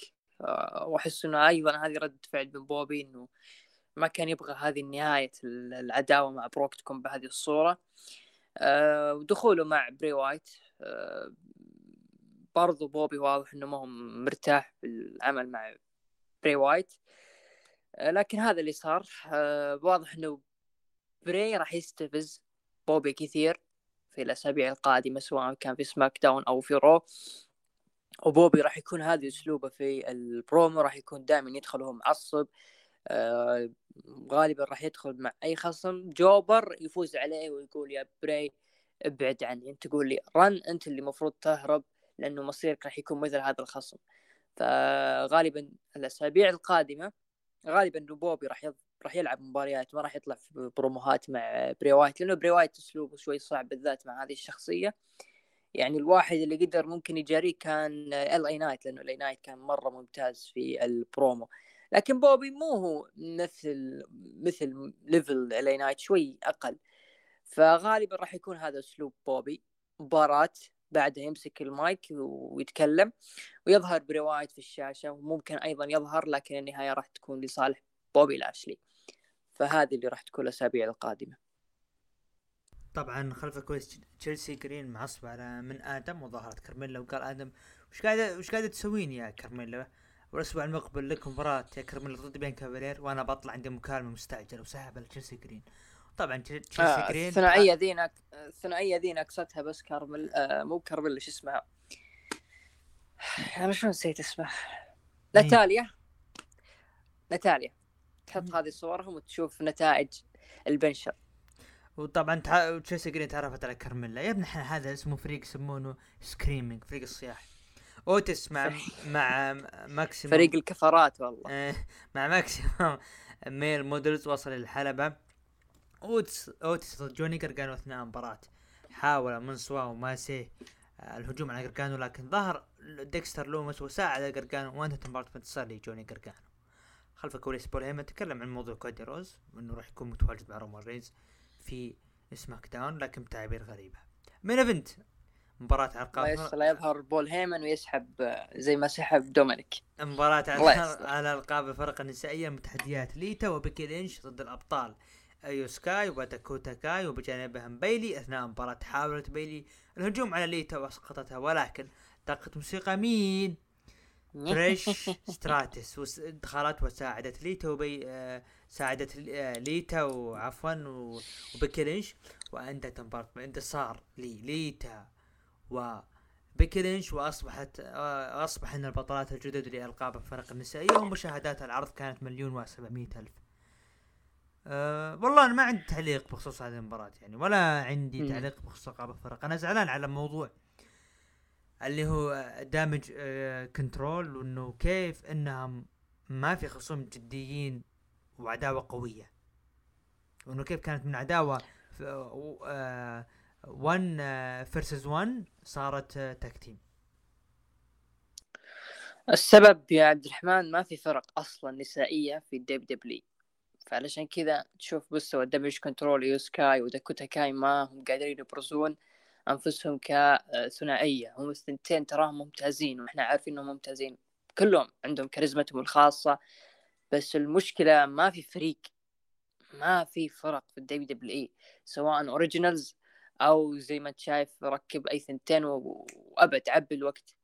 أنت شفتها لما كانت آسكا والكسا آه، فازوا آسكا والكسا قبل أسبوعين من مباراتهم في أعتقد كراون جويل وفي كراون جويل خسرن ألقابهم. بس علشان آه، زي ما تقول آه، يحركون شوي ألقاب الفرق النسائية وإنه لا يطول مع دمج كنترول الجمهور يمل أوكي أنتم عندكم الألقاب لكن ما في أحد يقدر عليكم. ففوز ليتا وبيكي لينش نفس فوز أليكسا وآسكا فقط علشان يحركون به فئة الفرق النسائية. وأكيد غالبا بنشوف برومو من إما داكوتا أو آه، ايو سكاي يطالبون فيه rematch ضد الثنتين و اللي بس اللي مزعلني إنه ليتا ما راح تكون مع بيلي آه، اللي راح تكون مع بيلي ترش غالبا ممكن لكن لأنه ترش آه، ما أدري هل هي قادرة جاري بيلي في البرومو؟ عكس ليتا ليتا هي اللي قادرة تجاري بيلي وبيكون صدام برومو مع بين الثنتين قوي جدا. لكن بنشوف تريش لعل وعسى تطلع منها حاجة حلوة. آه، أنا أحس تريش تنفع مع ساشا لكن ساشا مين موجود الآن؟ ساشا بطلة نيو جابان للي- للي وتريش احس شوي ضعيفة شوي. تريش مو هي تريش ال- قبل لا 20 لا. في لا شوف لو لو الكلام هذا قبل شهر بقول لك أوكي راح يقدمون بروموهات جميلة لكن الآن بيكون وقت ضيق. طيب أبي تقييمك. وقت ضيق لكن قادرين قادرين قادرين ت- يطلع منها حاجة حلوة. تقييمك العرض. آه، العرض نفس سماك داون عرض عادي ما في شيء مهم تقريبا إلا ممكن ال- البروموهات اللي صارت في بداية العرض ومباراة كودي وتشاد جيبل هذه ما عرجنا عليها مباراة كانت جدا جميلة جدا جدا جميلة و- والناس أعتقد تحمست إنه كودي أكيد راح يقدم شغل ممتاز إيه رومان. بعد رومان بعد المباراة قدم برومو رومان طيب. يتكي على المصارع أكثر من إنه يبرز نفسه فواضح إنه كودي راح يكون له شغل مرة كبير مع رومان في المباراة الترويج للمباراة راح يبدأ من الأسبوع القادم وأنا متحمس بشوف إيش راح يقدمون الاثنين. واضح إنه راح يكون في خروج من النص كثير بالذات مع رومان. انت تذكر لما رومان خرج من النص لما أوستن لما أوست... وقف مع أوستن ثيوري لما استقال فينس ماكمان وقال إنه والدك ما هو موجود. فما أدري أحس لابد لابد رومان يجيب طاري والده بالأسبوع القادم. لكن أنا بالنسبة لي العرض اعطيه خمسة من عشرة. كان عرض جيد بصراحة. جميل جدا. أنا أعطيه برضو نفسه كان خمسة من عشرة. ما أدري ح- تكفير SmackDown كانت أفضل. متابعين قيموا العرض من 9 ل 10 ب 20% ومن 5 ل 8 قيموه ب 40% وكذلك أقل من 5 قيموه ب 40% يعني يا المتابعين أخي ما تلاحظ إنه العروض بشكل عام كانت شوي هادية ما في شيء مرة مهم. كلها إي إي نفس مع انه مع إنه هو طريق لمانيا تستغرب يعني. وعلى طاري العروض الهادي نروح ل NXT NXT افتتاح العرض آه، افتتح العرض خلف الكواليس. وما قالوا هدوء لا قالوا ادخل ادخل بالقوة. صارت حوسة هجوم بين المصارعين عشان واحد منهم ياخذ فرصة على التحدي المفتوح على لقب شمال أمريكا ضد ويسلي. وكان ويسلي بالحلبة متفاجئ باللي صار ولكن ظهر المصارعين في الحلبة وظهر داباكيتو وجلد الجميع وبياخذ هذه الفرصة. ولكن ظهر مين؟ أبولو كروز وجلده وصار بينهم هجوم وبسرعة البرق. ظهر مين؟ المرة الثانية سواها. نيثن فريزر وأخذ هذه الفرصة. مباراة على لقب شمال أمريكا. المتحدي نيثن فريزر ضد ويسلي. وانتهت المباراة بانتصار وحفاظ ويسلي على اللقب. بعد المباراة ويسلي تبادل احترام وحيا نيثن فريزر على الأداء. رأيك؟ آه من زمان. والله من زمان ما تابعت NXT الصراحة. لفترة طويلة. هو اللي الوحيد اللي استغربت منه إنه الجمهور قالوا welcome back لنيثن فريزر فإذا كانت هذه عودة أحس كان حلو لو مثلا دبا كيتو اللي هو كماندر عزيز اتمنى قلت اسمه صح لما جلد كل المصارعين والمصارعين برضو يجون يكبرون جلد عليه علشان لا أحد ياخذ الفرصة و... ويطلعون برا كذا بهجوم من أي شخص. احس ادريس إنوفي كان يقدر ينفع. ويدخل نيثن فريزر باغنيته والجمهور راح يتفاعل وأكيد welcome back راح تكون حلوة. أكثر من إنه يعني اثنين جالسين يطقون لي بوب آه، أبولو كروز وكماندر عزيز يظهر نيثن وأنت شايف أصلا نيثن واقف عند ال stage في البداية ينتظر. آه، لحظة ذكرني بأحد المصارعين راح نجي في AEW فما ما ودي والله أقلل من قيمة المباراة أو أقلل من قيمة ال segment عشان هذه الفكرة لكن بشكل عام المباراة كانت جدا جدا جميلة. الاثنين برزوا بعض بشكل مرة ممتاز. نيثن فريزر واضح إنه راح يكون مثل آه مثل سيث رولنز زي زي دولف زيجلر ياخذ كثير من شون مايكلز كون إنه هو قدوته فواضح إنه أكيد نيثن فريزر راح يكون نفس الشيء راح ياخذ أكثر من حركة من سيث ويطبقها في NXT لكن يا نيثن ترى أهم شيء الشخصية. آه ويسلي آه ماشي بخط جدا ممتاز. آه النجم جالس حبة حبة يرجع قيمة North American كلقب مهم في العرض ولنا فترة طويلة ترى ما شفنا لقب شمال أمريكا يطلع بهذا الشكل الممتاز أنا أشوف مع ويسلي في المباريات وكذلك كشخصية فجدا سعيد في المباراة وأفضل افتتاحية زي ما قلت. وأفضل شيء في بصراحة الافتتاحية والختامية.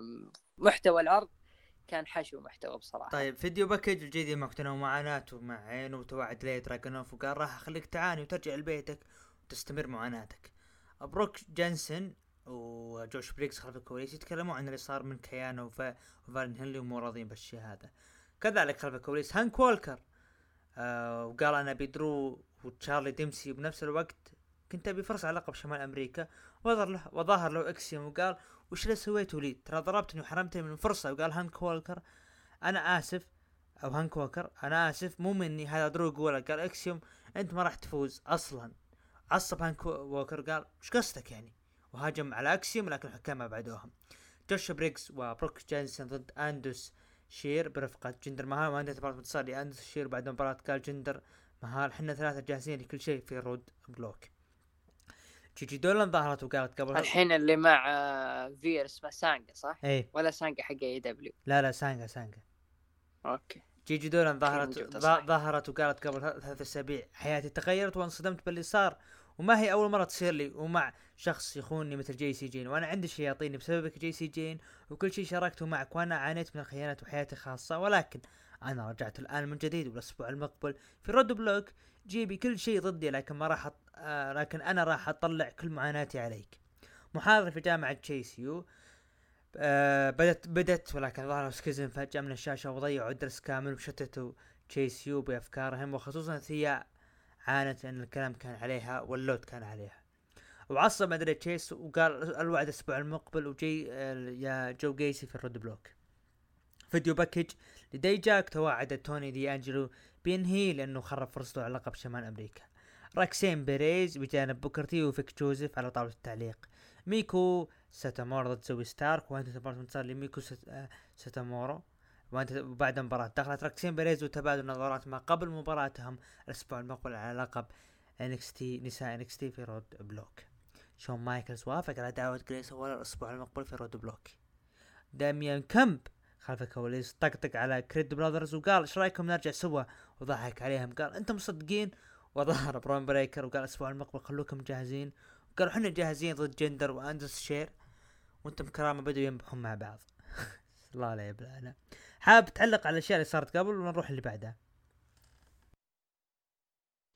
أنا مستغرب يعني كلهم يقولون يتوعدون بعض الأسبوع القادم في Roadblock ما أدري هل كان في بناء للعرض الاسابيع الماضية تلميحات شيء. أنا ملاحظ كله الأسبوع القادم عندنا NXT Roadblock مباريات وبدأ ترتيب ال card في العرض نفسه. فأنا استغربت يعني بالعادة NXT أو لما يكون في عرض مهم أو عرض أسبوعي خاص gimmick معين يبدون يحضرون له يعني كأنه تحضير عرض شهري.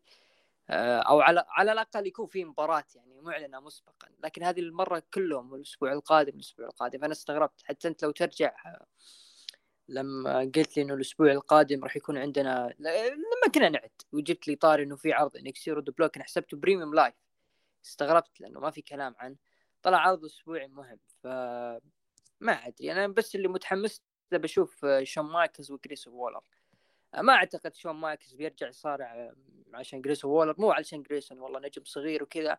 لا آه، أحس إنه بيكون آه، وشو شون مايكلز بيحضر خصم لجريسون وولر في Stand Deliver في WrestleMania أو في عرض ال NXT اللي يكون فيه المانيا. أحس إنه بيكون هذا النظام. نفس كودي رودز وسيث رولنز سيث رولنز يطالب بمباراة وطلب حضور أو مقابلة فينس مكمان وفينس قال عندك مباراة وخصم أنا بختار فأعتقد شون مايكلز بيسوي نفس الشيء الأسبوع الماضي. بيقول أنا قرفت من تصرفاتك كنت كل شوي داخل خلف الكواليس وإلى آخره. بتصير مباراة بينهم؟ تجاوز لا ما أعتقد لا ما أعتقد. شون مايكلز بيجيب له خصم. خصم راح يكون لسه موقع في NXT بس ما أدري ممكن دراجون لي اللي وقع مع WWE وأعلن توقيع على س... في بداية هذه السنة. ممكن يكون هذا ال debut حقه أمام جريسون وولر ويشوف. سول روكا ضد الكترا لوبيز وشفنا تواجد فالنتينا بجانب حلبة تساعد الكترا لوبيز وانتهت مباراة بانتصار سول روكا بعد مباراة الكترا لوبيز عصبت وهاجمت فلنتينا لكن فلنتينا فلنتينا اعطتها ضربة شو اسمه يسمونه؟ القفاز الحديدي هذا اللي أنا ما عرفته إلا من GTA San Andreas. لكن آه المتابعين ركزوا على سول روكا أنا قاعد أشوف النجمة قاعد تقدم تقدم شيء جميل صراحة. يعني شغل محترم. كاتانا تشانس لا لا يجي يجي منها شوي. بجانبها كيدن كارتر حبايب كيدن كارتر حبايب أبو عوف. ضد تيفني ستراتن وانتهت مباراة بانتصار. تيفني ستراتن بعد مباراة آه أعوذ بالله. انت قلت إني حبايبهم؟ شفنا شفنا يعني بعد ما فازت إنه سبب الفوز مساعدة من ألبا فاير وآيلا دون بعد مباراة تيفني ستراتون قالت أنا أثبت إني الأفضل وبيكم تنادوني ببطلة نساء NXT أو NXT champion ولا يهمني من يفوز بين ميكو وروكسان وأنا بنتظر وبأخذ اللقب. خلف الكواليس استمر استمرار المشاكل اللي بين بريغز وجنسن ويحاولون الإصلاح اللي صار بينهم سابقا. اكسيوم ضد هانك ووكر وانتهت مباراة بانتصار لأكسيوم. بعد مباراة أكسيوم حيا مستوى هانك ووكر وقال استمر على هذا الشيء. جريسون وولر قال أخيرا رديت شون مايكلز وبنجلس الأسبوع المقبل ونتفاهم عن Stand and Deliver وأطلب منك الاحترام الأسبوع المقبل في برنامجي جريسون وولر Effect ب Roadblock والله متحمس أنا بصراحة. main event كارميلو هايس بجانبه تريك ويليامز ضد آه تايلر بيت وانتهت مباراة بانتصار لكارميلو هايز وكان من مشاهدات العرض 555 ألف مشاهدة. رأيك بال main event يا ساتر هذه مشاهدات عرض ال NXT يا ساتر والله. آه نروح لأول شيء مباراة أكسيوم ضد هانك ووكر. آه مباراة حلوة. آه زي ما قلنا هانك ووكر واضح إنه هد اللعب. النجم كان مرة متهور في بداية مسيرته في NXT لكن النجم هد اللعب كثير وشيء جميل. اللي شوي مزعلني إنه أكسيوم هو اللي طلب تحدي وهو اللي زعلان على هانك ووكر. مثل ما قال إنه أنت حرمتني من فرصتي وبعد المباراة سوى respect لهانك ووكر أنا استغربت من اكسم إذا أنت زعلان ومنفس فأنت المفروض تستفز هانك ووكر خصوصا المباراة كانت تثبيت سريع. آه لا مو تثبيت سريع صح هذيك مباراة ثانية. آه اكسم هو اللي سوى ال finish على هانك ووكر لكن التثبيت كان كأنه تثبيت سريع. آه فمفروض اكسم يستفز هانك ووكر لكن مو الاستفزاز اللي حوله هي لا استفزاز واحد لسه فايز. آه جريسون وولر أنا معك متحمس ونشوف إيش ممكن يصير مع شون مايكلز الأسبوع القادم. مباراة كارميلو هايز وتايلر بيت هي مباراة حلوة لكن أنت تحس إنه كانوا قادرين يقدمون أكثر بالذات تايلر بيت. ما شفته برز كثير في المباراة. يعني ما أدري ليش ما برز. المباراة كانت هادية الرتم كثير لكن على هدوءها وعلى المستوى اللي ظهرت فيه لكنها مباراة حلوة. NXT أيضا جايزة جزء الاسابيع الماضيه العروض السابقة رو سماك داون أنا أيضا أراه آه، خمسة من عشرة عرض عادي لكن أهم شيء اللي صار المباراة الافتتاحية والمباراة الختامية وأيضا مباراة أكسوم كانت حلوة وجميلة جدا. المضحك فقط آه، جندر مهال جالس يطقطق على على برون بريكر وثنائي الكريد وهنا يعني شر البلية ما يضحك. جندر مهال الأسبوع الماضي ياخذ فرصة على لقب NXT وهذا الأسبوع جالس يطقطق على أو يهدد برون بريكر والكريد براذرز فنشوف الأسبوع القادم ما لاحظت إنه أنا ما أخذت رأيك بهذه أنا داري إنه أصلا شيء مضحك اللي قاعد يصير بينهم. فحاول اني أتجاهل باللي صار. أنت أعطيتها خمسة الحمد لله NXT صار الأسابيع الماضية في وقت اختبارات ولا تابعت المهازل اللي صارت. جميل جدا. أنت اعطيت تقييمك خمسة من عشرة. أنا أعطي تقييمي آه خمسة خمسة ونص من عشرة. أو خلينا نقول خمسة. متابعين قيموا العرض من تسعة لعشرة باثنين وعشرين بالمية ومن خمسة ثمانية قيموا بأربعة وأربعين بالمية. أقل من خمسة قيموا ثلاثة وثلاثين بالمية.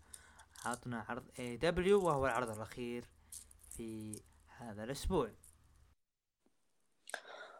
العرض الأخير هذا الأسبوع العرض الأخير قبل مهرجانهم اللي هو ريفولوشن أنا استغربت صراحة لما قالوها المعلقين لأنه الأسابيع الماضية ما كان بجيك بجيك إياها خلنا خلنا نمسك العرض. طبعا العرض كان في سان فرانسيسكو كاليفورنيا مدينة الوريورز والعرض أصلا بيقام في ملعب الوريورز التشيس سنتر يا سلام.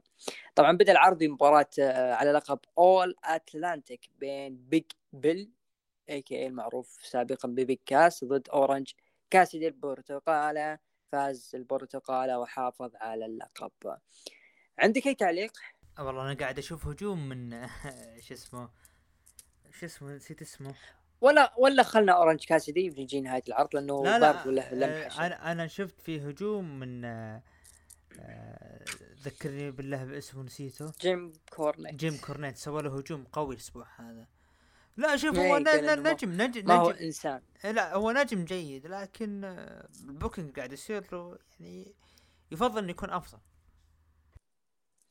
يا أخي شوف لقب الأتلانتيك أصلا كان لقب بيني وبينك كان له potential كبير جدا والناس كانوا متوقعين إنه راح يكون يعني لقب مثل لقب القارات راح يكون عليه تنافس ويكون فيه عداوات. لكن ما صار شيء. تظن إنه اللقب يحتاج اسم نجم كبير يرفعه بعد باك؟ لا لا لا ابدا مو على النجم ال booking للمباريات. أنت أنت عطنا booking آه ممتاز للقب. بتشوف آه آه الناس بيحبون حاملين الألقاب وبتنسى موضوع باك. خير شر. أنا ما أدري ليه جاء في بالي آدم كول. ما أدري ليه جاء في بالي إنه ممكن لو فاز باللقب راح يكون إضافة جدا كبيرة للقب لكن نشوف أبو الشباب لأنه مختفي. مسوي لي فيها حبتين وانتظروا وانتظروا هذا ان ننتظر ما لك أي دور.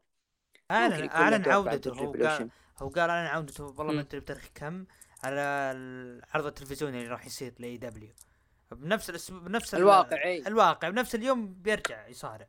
بس ما أعلن عن شيء ثاني.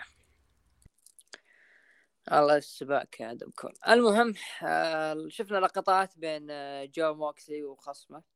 اللي صار الأسبوع الماضي اللي كله دم آه، ظهر جون موكسلي ووجهه كله دم وقال أنا أحب طعمه يقصد طعم الدم لأنه طعمه طعم الفوز والحياة وأنا أعيش من أجله. أنا دائما أبعد عنك يا هانجمان لكنك تظهر وتحاول تظهر بعد الارتجاج اللي صار لك. هانجمان مصارع ورجل عظيم لكن ما هو مثل مستوى موكس. وعشان تثبت إنك وحش واجهه في مباراة تكساس. death match وبكذا رسميا. موكسلي ضد هانجمان بيج في عرض ريفولوشن آه ظهروا الإليت لسه ما يقولون بسم الله إلا وطفت الأنوار. ظهروا من خلفهم الهاوس اوف بلاك وجلدوا الإليت وسرقوا ألقاب الفرق الثلاثية. آه بعدها شفنا المباراة الكارثة المباراة العجيبة مباراة سلالم سامي جيفارا ضد كانسوكو. يا الله أول مرة أغلط في اسمه. كانسوكوكي طيب معلش سامحوني. أول مرة أغلط في اسمه. تاكيشتا ضد باور هاوس هوبس ضد AR فوكس ضد اكشن اندريتي ضد اورتيز ضد ايدي كينغستون ضد كوماندور من تربل اي فاز بالمباراة باور هاوس هوبس بمساعدة الحكام بسبب إنه السلم لما رقاه تكشتا دفى باور هاوس بشكل قوي جدا. وانكسر السلم. فلو ترجع للمباراة كان باور هاوس هوبز طالع بالسلم وخايف أنا بمسك تاخر على بال ما يرجع أنا أنا بمسك النقطة هذه. لين ما جاء الحكام وساعدوا؟ يلا عطل. شوف مباراة حلوة والسبوتات اللي فيها جدا جميلة. العالم طقطقت على موضوع إنه الحكام يساعدون المصارع. لا لا ترى هذه موجودة في دبليو لكن غلطة المخرج إن المخرج المفروض إنه يقرب على النجم. مو المخرج الله يهديه بعد هذا وطلع البلاوي. والدليل لو تروح تشوف مباريات دبليو ترى في نجوم يساعد حكام يساعدون النجوم. يثبتون السلم له ويطلع. لكن دبليو طلعت يمكن مرة أو مرتين. غيرها لا في شغل احتراف إنه يقرب على النجم وهو ياخذ. لكن حق AEW أتوقع إنه مو حق مصارعة. على النية. قال آه، حبيبي بعد الكاميرا طلع الجميع وخليه يفوز. وانتهينا. وروح اللي بعده. ف إذا أح... في أحد يبغى يطقطق ترى صارت في دبليو يعني أنا ماني من عطنا مثال طيب. اصبر اصبر أجيبك. أنا شفت الصورة بس نسيت النجم. بس اصبر اصبر. لكن آه، راح نجيها راح نجيها. راح اللي بعده على ما ألقى الصورة و... ممكن ممكن ممكن ممكن جاك سواجر لما تذكر لما آه، ما فتح ال Money in the Bank 2010 ممكن الحكام كان لهم دور لكن ما أذكر. هو في حكام في بعض الأحيان يطلع منهم شطحات خصوصا إذا كان الحكام مصارعين زي مايكلز. لكن لا حكام صارت صارت. هذه آه مع كامل الاحترام جيف هاردي ضد بانك. صارت الصورة قدامي. الحكام ثبتوا السلم علشان جيف هاردي آه ينفذ حركته على بانك يوم هو على الطاولة. سينا وإيج. لما سينا رمى إيج على طاولة آه على الطاولة ف yep صارت. الحكام ثبتوا كل شيء عشان السيناريو يكتمل. yep. لا تحاول تحشرني مرة ثانية. إي الطاولات آه، هي اللي ممكن ممكن يعني يثبتوا لكن واضح إنك محضر زين علشان الفقرة هذه لكن معلش ما تنبلع. يعني كان باور هاوس هوبس يقدر ياخذ سلم من برا في سلم أطول ممكن كان المفروض ياخذه لكن أه بكمل. أه بعد مباراة نزل هوبس من السلم وراح لساموا جو ورفع له الحزام لكن ظهر ووردلو ووقفوا ال security وجلدهم. آه بالنسبة لي هذه المباراة لخصت لي بالنسبة لي وضع AEW ولخصتني. آه بوتشات أنت واضح إنك بتستمتع في المباراة لكن أنا شفت لها بوتشات يعني أكشن أندريتي يبغى يروح فيها الرجل. فأتمنى يا حقين AEW آه الرفق الرفق الرفق ثم الرفق بمصارعينكم. تراهم أوادم مو بحيوانات. اثنين الإخراج في AEW يعني أول شيء بدايه بإصابة السلم أو كسرة السلم هذه يدلك إنه حتى المواد في دبليو ما هي مواد جيدة مواد ما ودي أقول رخيصة كثر ما هي رديئة جدا. في طاولات ما تنكسر والسلالم تنكسر سبحان الله. اثنين الإخراج. في AEW لا زال يعاني وعاد يعاني وهذا يعني مرة ثانية بشكل فاضح لما تيجي تشوف سموه جو راح يض...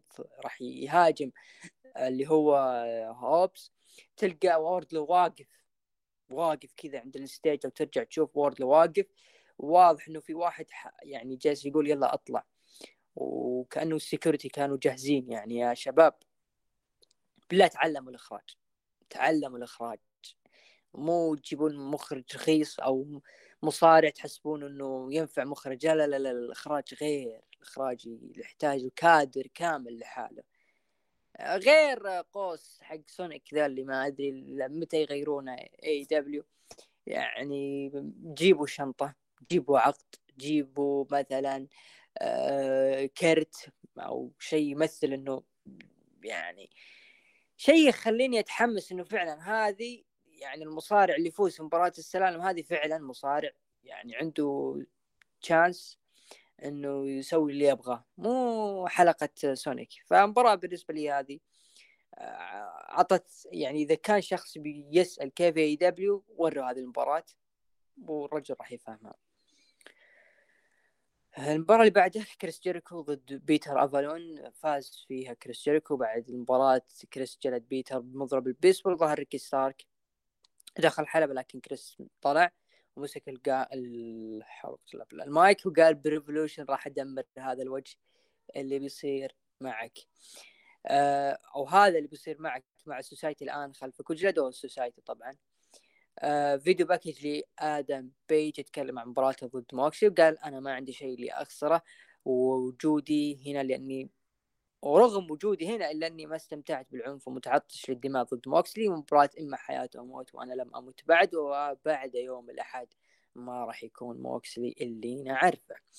دخل كريستيان كيج وقابل ريني باكيت قالت الأشهر أو قال الأشهر الماضية اعتقدت إني انتهيت من جنجل بوي مو بس انت حتى أنا. آه لكن الولد يبي فرصة على الألقاب الفردية وبيفوز فيها وهذه ما راح تصير إلا على جثتي. جنجل بوي لو يبي يفوز فهو علشان عائلته وهو يعامل مجال مثل لعبة الفيديو. أنا هنا ضحكت. فعلا جنجل بوي جايبين له من ألعاب طرزان من كو... شو اسمه القرد؟ كونغ زي زي كذا. فعلا معاملينه لعبة فيديو. أنا عامله مثل الصرافه ما أدري إيش يقصد. أعتقد إنه قصده إنه أنا داخل مجال عشان الفلوس. طبعا تحدى جنجل بوي في Revolution بمباراة بدون قوانين. هاجم جنجل آه، كريستيان آه، والد جنجل بوي وطفت الأنوار وظهر جنجل بوي في الشاشة. طبعا هو يحفر آه، قبر. ما أدري إيش القبر هذا. أي تعليق يا عبد الرحمن بالأشياء اللي صارت؟ سواء الفقرة هذه أو اللي جيريكو جي... شوف باختصار جيريكو عداوة جيريكو مع ريكي ستاركس وكذلك كريستيان مع جنجل بوي تمطيط. واتمنى نهايتها تكون Revolution. ونشوف حقبة جديدة ما بعدها.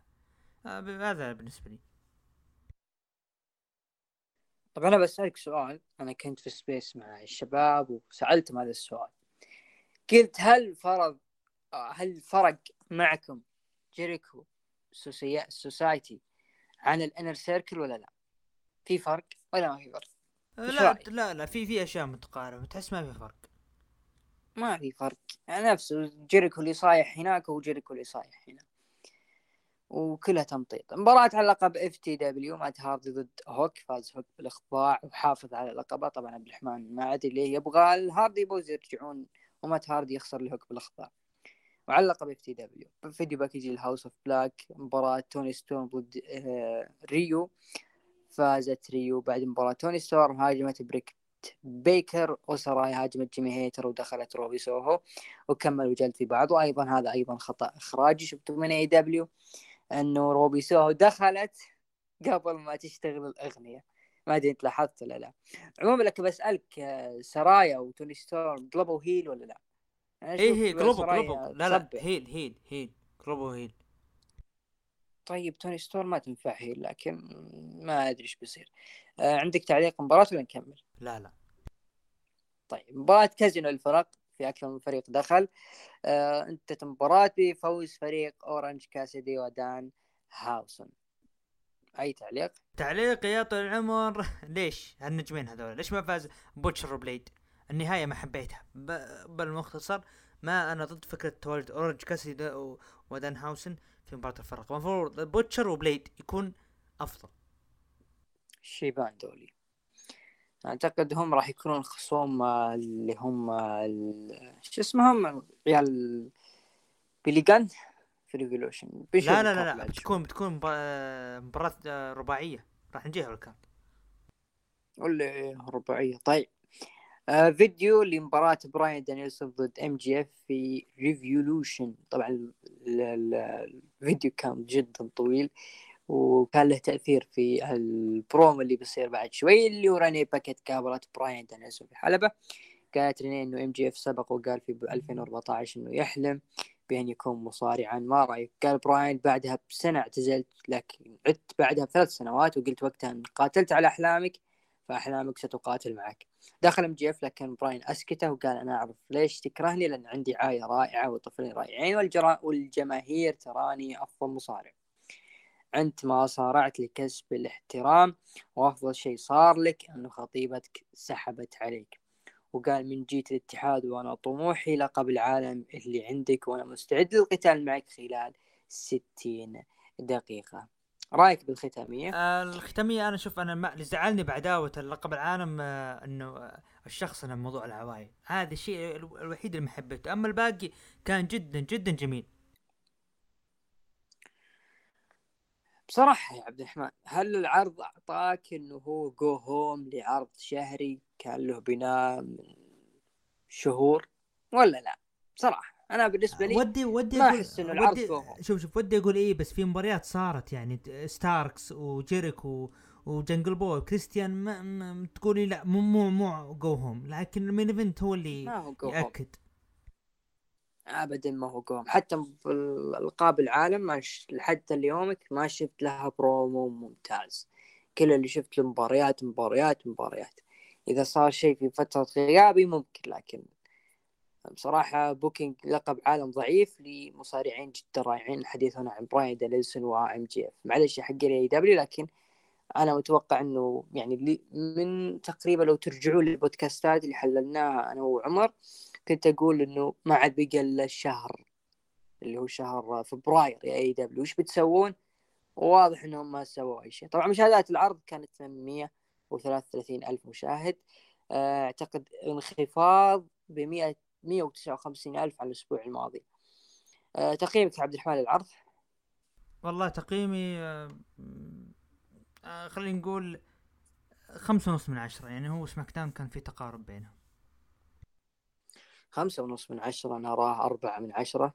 آه نروح لتقييم المستمعين أعطوا من تسعة لعشرة 12% ومن خمسة إلى ثمانية خمسة وثلاثين في المية وأقل من خمسة أعطوه ثلاثة وخمسين في المية. أعتقد هذه من فترة طويلة ما كان أي دبليو أقل من خمسة. آه عرض الأسبوع. عرض الأسبوع عبد الرحمن. عرض الأسبوع أنا أشوف سماك داون آه هو الأفضل بالنسبة لي. يليه AEW؟ والله أنا أشوف إنه العروض آه، متقاربة. ما كان فيها شيء مثلا واضح لكن أنا أشوف ممكن رو وسماك داون كانوا الأفضل أفضل بين كلهم. SmackDown أعطوه 39% Raw 22% NXT 11% وداينامايت اعطوه 28% رغم إنه أقل من خمسة. هذا كان عروض الأسبوع. عطنا card ات ال card المهمة الأسبوع القادم عرض خلينا نبدأ أول شيء بعرض AEW Revolution اللي راح يقام في سان فرانسيسكو كاليفورنيا بتاريخ 5 مارس. مباريات 10 مباريات. المباراة الأولى 6 man tag team آه مارك بريسكو و Lucha Brothers آه وكذلك آريا ديفاري آه أو عفوا ضد فريق آريا ديفاري و Varsity Athletes فممكن تكريمية لل Briscoes يعني. آه حابب تتوقع فيها؟ ولا واضحه أصلا. هذه بتكون شبه العرض قبل ال card العرض الرئيسي عندك لا واضح واضح. بريسكو اللي بيفوز. Blackpool Combat Club اللي هو كلاوديو كاستنيولي وويلر يوتا ضد Dark Order جون سيلفر والكس آه رينولدز. مباراة tag team تتوقع مين؟ ال Blackpool Combat Club. أنا أشوف نفس كلامك. أتفق. نبدأ بال افتتاحية. كريس... كريستيان كيج. طبعا ما هي افتتاحية لكن هذا بالترتيب نجيبها كريستيان كيج ضد جنجل بوي. مباراة بعنوان اسمها واضح final. وشو؟ burial match final burial match ف... تقريبا كانها المباراة اللي بيخسر بيندفن. ما ندري هل هي راح تكون آخر مباراة لكريستيان كيج في AEW أو إنه لا ختامية للعداوة حقته أتوقع انها ختامية عداوة. من تتوقع؟ جنجل بوي. شكل جنجل بوي. كريس جيريكو ضد ريكي ستاركس. إذا طبعا فريق العصابة جيريكو ممنوعين من الدخول. من تتوقع؟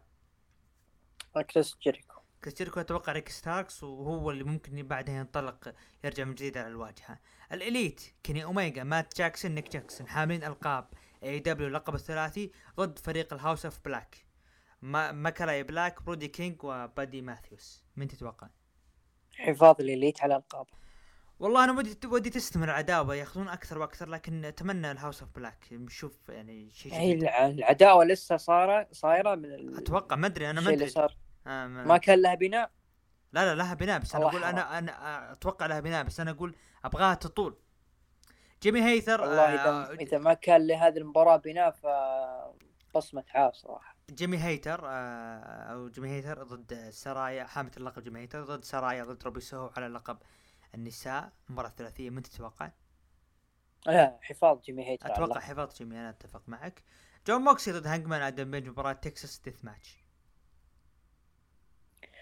أعتقد مباراة آه، السلسلة كانت 2 1 لهانجمان. أتوقع صح ولا لا؟ ولا 2 2 أتوقع 2 وهي هي يا إنه هانجمان هو اللي متصدر يا إنه جون موكسلي. لكن إذا كان آه، هانجمان هو المتعادل أو متصدر أعتقد جون موكسلي هو اللي راح يفوز. أنا أشوف إنه ممكن هانجمان آدم بيج وبعدين ينطلق على اللقب العالم. سمو جو ضد وردلو مباراة على لقب AEW TNT لا حتى في اسم ثالث معهم عفوا. بس ما هو موجود ب اللي هو card ويكيبيديا اللي هو باور هاوس هوبس من تتوقع؟ لا لا حفاظ سموه على اللقب ممكن باور هاوس هوبس بديرته يسويها؟ أنا أشوف آه، وردلو ممكن يسويها. ممكن كل شيء وارد. بعدها مباراة الل- مباراة رباعية فرق على ألقاب الفرق.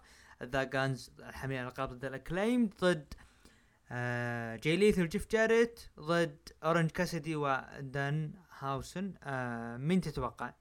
أنا أقول حفاظ لل Gunns ما ودي أش... ودي ال Acclaimed يفوزون صراحة. ما أدري ممكن أنا أحس جاي ليث جاي ليث وجيف جاريت ممكن يسوونها. لكن أنا آه، ودي ودي ودي لو سووها أتوقع بتكون تكريم. نجي لل main. event. ال main event. MJF ضد براين دانيلسون مباراة iron man 60 دقيقة على لقب AEW. العالمي. مين تتوقع؟ okay. iron man 60 دقيقة. أتوقع براين دانيلسون أنا أقول MJF ممكن يحافظ. يكون في تدخل على. براين دانيلسون طيب نروح NXT Roadblock. الأسبوع المقبل. روكسان بيريز ضد ميكو ساتامورا على لقب نساء NXT مين تتوقع؟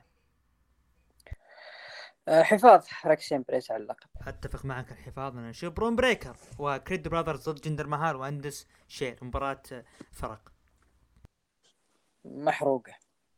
ابو واضحه برون بريكر و Creed Brothers ومحروقة. طيب جيجي دولان جيسي جينز؟ تعادل. مم أنا أقول جي جيسي جينز بتفوز. اندري تشيس ضد جو جيسي